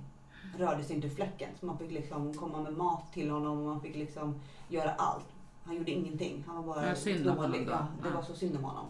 Så att det blev ju den Mm. Eh, han drog ju aldrig därifrån. Utan men han var i det och var liksom ett, ett offer för den här vidriga personen Mm. som du då var. Som har svikit honom så hårt Mm. och lämnat honom för den här vidriga kompisen. Så du har. nu ska du liksom Mm. straffas. Nu har du förstört ja. mig. Och du ska kämpa dig tillbaka. Ja. Och du måste bevisa att du är liksom en bra människa och du måste vara värd mig. Mm. För att jag tänker inte acceptera att bli behandlad på det här sättet av dig som är så fruktansvärd. Nej. Nej, Så exakt. att det blir ju indirekt lite samma, samma Precis, signal. allt går ut på att man på något sätt ska förstå Mm. den här personen. För den som jag var tillsammans med var ju också, när han då inte hade hört av sig, så dök han ju plötsligt upp. Och då skulle jag plötsligt på beställning förstå att han var ju en trasig kille. Och han hade varit med om det ena och det andra och det borde jag som älskar honom förstå. Mm. Och att han dessutom tyckte då så att, att vara ifrån varandra, det var, det, var liksom, det var inget fel med det då, när han ville det. Men sen när jag ville det, då, var, då gick det ju inte. För då var det ju motsatt då, så att säga. Och då vänder, man på Ja, det. nej men precis. Man vänder det precis som det Och det är därför den, de här relationerna är ju bara ensidiga. Det är ju bara en person i relationen som, eh, som bestämmer och driver den framåt. Det är inte, den andra personen existerar ju inte. Nej. Men det känner man ju väldigt klart och tydligt att, Mm. att det är bara han som sätter kraven, han som sätter reglerna och det är han som man hela tiden måste anpassa sig till. Mm. Och när, när man kommer då, som jag då i mitt fall, kommer någon motgrej att ja, men kan inte du göra de här, de här sakerna? Mm. Då var det ju direkt där, nej. Det, var Mm. liksom inte, det fanns inte en tillstymmelse för att du har förstört mig, du har gjort det här mot mig. Mm. Så. Sen handlar det väl också om lite så skulle han, som du säger, laga mat först i början. Mm. Men det gjorde han ju hos mig också. Mm. Jag sticker inte under stol med att jag, jag lagar inte så mycket mat. Det är inte min... Mm. Och då skulle han ju guilt-trippa mig för det. Men det funkar ju inte heller. För att jag vet ju hur jag är och jag skäms inte för det. För att det är Mm. så jag är. Att Det är inte så jag, husligt. jag är inte så huslig. Spisen brinner när jag tar den. Liksom. Men, men då, då hade han ju gjort det, så då borde jag kunna göra det och det och det och det. Och då var jag så här, hur länge ska jag, om du lagar mat en första vecka, hur länge ska jag behöva betala på den Tillbaka. skulden? Liksom? Och den tar, skulden tar ju all, alltså, Nej, den, och den är helt, ologisk. Ja. Men i och med att alla konversationer med honom var ologiska Mm. så var det ju ändå mitt fel för att jag hade inte lagat mat så jag var ju tvungen att göra det här. Ja, för även det mest ologiska beteende följer en viss logik. Ja. Alltså det blir ju så. Den som jag var tillsammans med kom ju hämta mig från jobbet varje dag. Mm. Utan att jag hade bett om det och jag ville inte det. Eh, Men sen fick jag ju äta upp det också sen. Att Ja. Jag som till och med Ja. hämtar dig från jobbet och Ja. då är det så här, fast jag har aldrig velat att du ska göra det. Jag har aldrig sagt att du ska göra det. Jag har aldrig bett om det. Eh, Du har gjort det helt själv och det gjorde han också för att kontrollera. Och likadant med matlagningen, det var också samma sak där. Mm. Han tog på sig att laga mat. Utan att jag hade, jag var inte inblandad i det beslutet. Men det fick jag också äta upp sen. Att så här, ja jag som minsann har gjort det här och det här och det här. Ja fast det, är inte, det var ju ditt val att göra det. Det är ju inte jag som har... Nej, han gav ju min dotter pengar. Jag bara, gör inte det. Så jag, Mm. jag, hon behöver ju nya kläder. Ja, men det, vilken tonåring säger inte det? Jag Mm. har ganska strikta regler för den biten. Mm. Och då kommer det, ja, jag gav ju henne pengar i början. Ja, fast som sagt. Det vill inte jag. Nej, Nej. jag sa nej. Så det egentligen så klev det ju över någonting som Mm. var en, föräldra... Mm. Och det är väldigt snabbt att man, han gjorde ju så mycket mot alla andra också. Han, gav liksom, han gjorde tjänster åt folk. Ja. Så att de hela tiden satt i skuldsituation. Mm.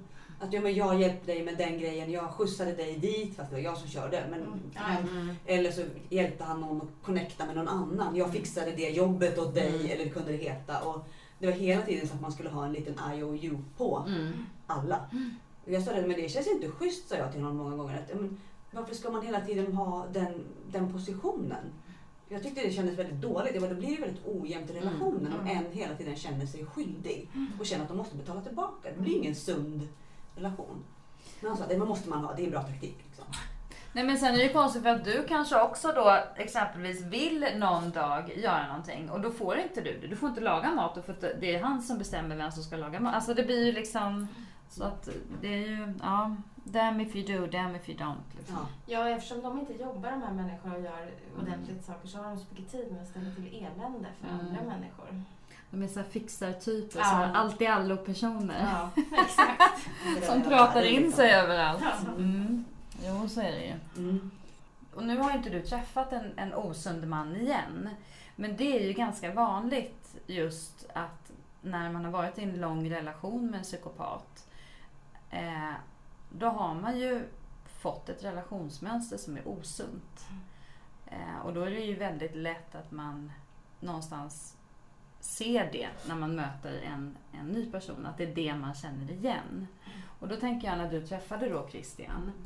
För han är ju en bra, vanlig, eh, schysst snubbe liksom. Hur, hur kunde du då liksom ställa om från det här sjuka till det friska? Var det en svår process? Att kunna se vad som var normalt? Om du har liksom levt i det här. Liksom. Ja, och det är, väl, det är ju fortfarande en dag väldigt svårt att hantera Mm. eh, för mig. Just det här, alla saker som inte händer. De är ju de värsta, för de har jag så svårt att på något sätt relatera till och förhålla mig till. När man till exempel har en argumentation. Eh, Christian har ju väldigt italienskt temperament och är väldigt liksom, explosiv, snabbt. Så, och sen är det färdigt. Sen är det bra, Mm. så går vi vidare. Ja, vi liksom rätt ut det. Och, men sen är det inget mer. Det händer ingenting mer. Jag kommer inte åka in i en vägg. Vi kommer liksom inte bråka om det här i tre år. Jag kommer kunna sova gott i natt för han är färdig med sitt. Vi kommer Mm. gå och lägga oss och vara sams. Men jag, det kommer inte det här andra efteråt utan han det är liksom bra sen. Mm. Och, och för mig är det helt orimligt. Det är samma som när vi sitter här. Så är jag så här, jag vill så gärna bara ta upp min telefon och kolla så att inte han har ringt tio gånger. Mm. Eh, jag vill hemskt gärna liksom bara gå upp och, och kolla med honom så att inte han sitter där uppe och är sur. För att jag lägger tid på det här. Mm. Men jag vet att han sitter där uppe och jobbar och har det jättebra. Eh, han har inte terroriserat min telefon. Men jag har väldigt svårt att hantera att det Mm. inte händer. Och det är väl det som, som jag tycker är ganska jobbigt. Och samma det här med att balansen mellan vad är normalt och vad är inte normalt. Mm. Mm. Jag måste hela tiden kolla med mig själv. Är det här rimligt? Mm. gör man så här? Mm. Och det är sätt man måste lära om. Mm. Lära om hela Men hur, hur har du gjort då? Har du pratat med någon om det? Eller Mm. är det... Jag och Christian gick ju, i början när vi träffades så gick vi och pratade på kvinnohuset Mm. tillsammans. För jag gick dit och pratade med dem. De pratar ju helst bara med kvinnor. Men de sa att i det här fallet, eftersom att ni båda är så insyltade i den här soppan, Mm. så, behöver vi, så kan vi hjälpa er båda lite grann. Sen måste ni gå vidare till en parterapeut. Mm. För att vi håller inte på med män. Eh, och bara för att de kände att det här är så extremt och vi bodde ju på hotell och det var ju kaos. Så då sa de det att okej, men vi hjälps åt. Och då förklarade ju eh, en av kvinnorna, Lotta, fantastisk äldre kvinna, förklarade ju för Christian hur man blir som tjej när man är tillsammans med en sån här person. Hur man liksom bara är som en blöt fläck till slut. Man, man, man har inga egna åsikter, man har ingen styrka, man är helt färdig som Mm. människa. Man är typ utbränd. Mm. Och man behöver hjälpas och man behöver byggas upp och man får vara försiktig. Mm. Eh, och där har han fått hjälp hur han ska hantera mig och försöka han- hantera hela situationen. Så att vi gick mycket i terapi tillsammans och pratade om hela den här sjuka Mm. grejen. Eh, och han har ju sina problem och sina issues. Så han är också en nor- normala människor har ju lite bagage. Mm. Alla har ju någonting.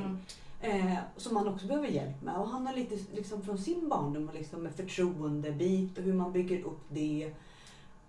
Och då måste man ju hjälpas åt. Men det ska ju aldrig kännas att man blir skuldbelagd, att man blir nedtryckt, att man blir förnedrad. Utan man ska vara medveten om att vi har olika problem. Mm. Vi måste hjälpas åt som Mm. ett team. Och det har varit väldigt viktigt för, för oss som par. Att vi är inte perfekta, någon av oss. Eh, vi gör misstag, och det måste man få göra. Man måste kunna be om ursäkt, man måste kunna liksom förlåta, men det måste vara sunt. Det ska inte vara att man mår dåligt i flera dagar, för då är det något som är fel. Men i början av er relation tänker jag bara då. Mm. Eh, hur, hur kände du om det var en sån här typisk situation när ditt ex hade blivit eh, skitförbannad? Fast det egentligen är en normal reaktion som, som de, ja, de flesta inte skulle bli upprörda över. Kände du någonstans att du behövde bete dig på ett visst sätt inför Christian för att du var rädd att den här... Alltså, det. ja. Ja, alltså jag, jag gick ju väldigt mycket på tå. Mm, Eh, helt i onödan. Och när jag, kände att vi liksom blev oense om något fick jag nästan panik. Och kunde inte liksom, jag kunde verkligen prata, svara. Eh, ibland kunde jag bara gå. Bara, liksom bara gå ut och bara dra därifrån. Och han kunde vara så här, men gud gå inte. Vi måste ju stanna kvar i det här och prata. Men jag var ju så otroligt rädd för att det skulle explodera. mm, Att det skulle komma till det här klimaxet när jag flyger in i en vägg eller åker på en smäll. För att jag säger fel sak. För då går det ju så snabbt, man hänger inte med. Så att för mig var det ju liksom så att i början så var det ju att jag bröt ihop väldigt lätt. Så att Christian kunde knappt göra någonting. Liksom.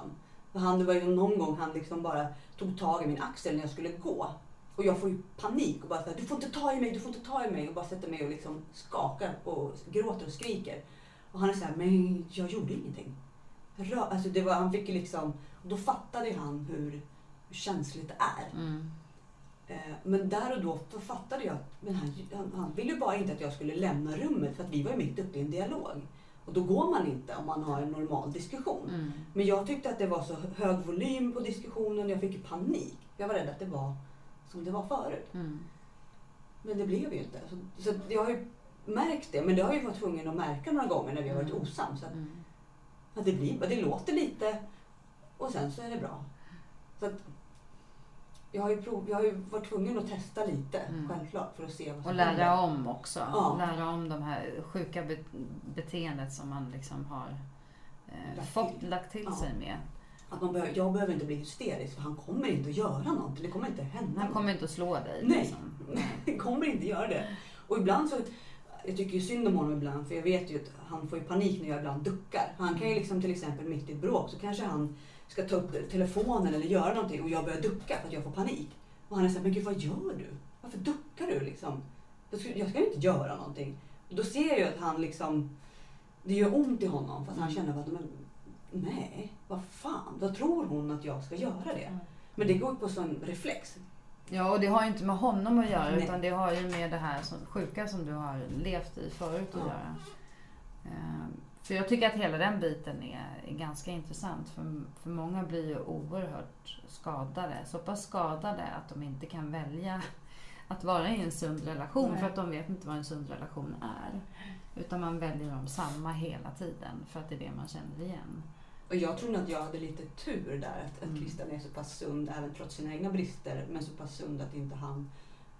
För jag hade nog likväl kunnat blivit ihop med en likadan Mm. typ av person, tror jag, i det läget jag var då. Mm. Idag absolut inte. Nej. Men då var jag så trasig och nedbruten så Mm. han hade kunnat vara bara lite, lite mer snällare bara så hade Mm. han fått mig Mm. dit ändå. Mm. Att jag hade inte haft någon gard. Idag så är det ju liksom, det finns ju inte en chans Nej. i helvete. Eh, så jag hade nog lätt kunnat trilla dit. Så det Mm. var nog bara eh, tack universum för att jag inte, Mm. att det inte var en Mm. psykopat till som Mm. jag...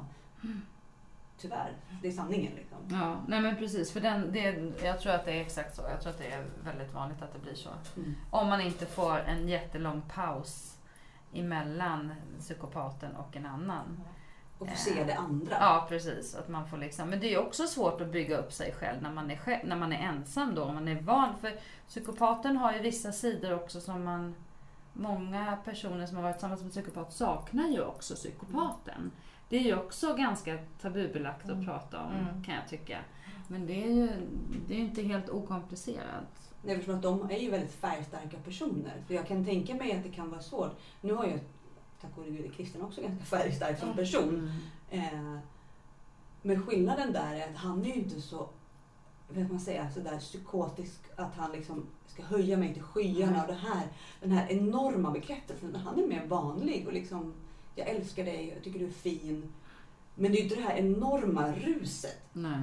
Men samtidigt känner jag så här, men herregud, jag behöver inte den där psykodelen. För den är ju fake. Mm. Ingen normalt funtad människa är så vad ska man säga, manisk i en annan person. Det är inte sunt. Det är, inte, Nej. det är ingenting man mår bra av i slutändan.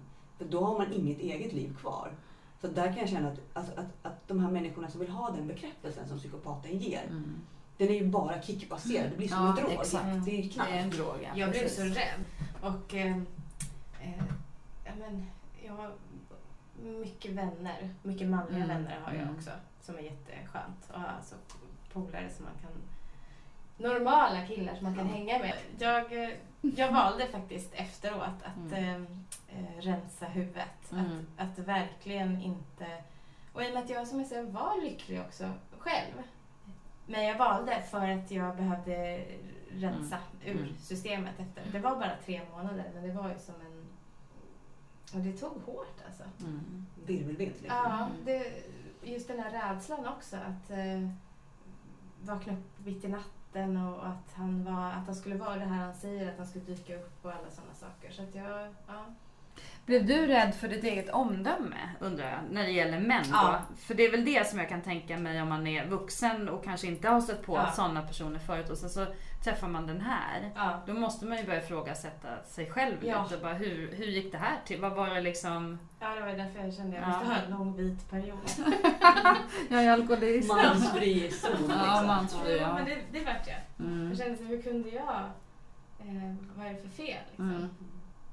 Så det, det var obehagligt. Mm. Mm. Och inte kunna lita på sitt omdöme. Mm. Mm. Och det är det, de är ju så skickliga som det går ju knappt att liksom skydda sig heller. Nej, det gör ju inte det. Idag har vi ju läst på alla tecken. Ja. Men man skulle ju inte kunna garantera till 100% att man inte skulle trilla dit på det. Nej, jag skulle säkert det kunna sättet. jobba ihop med någon lite för Ja, så här, men det, det, det kan ju hända när som helst. Så Ja, det är inte... Man är ju inte immun någonsin. Nej. Det är man ju inte. Tyvärr. Nej, och de är ju så skickliga Ja. på det de gör. Och de ändrar ju sitt beteende hela tiden. Så det skulle säkert kunna vara någon psykopatexpert som kontaktar oss. Ja. Och skulle kunna jobba med psykopater och vara så här Ja. jätteduktig på det och på något sätt nästla sig in den vägen då. Mm. För att vi skulle trilla dit på någonting. Mm. För att den har valt liksom att hitta våran svaga punkt idag. Ja, det berättade ju Monica om Robert Harris där som, som eh, Jobba med psykopater. föreläste om psykopater och blev anlitad av en person som han i efterhand förstod var psykopat när han inte fick betalt och insåg att han hade betalat all mat och allting sånt. Liksom. Vilket ju är den främsta experten på psykopater blir lurad av en psykopat.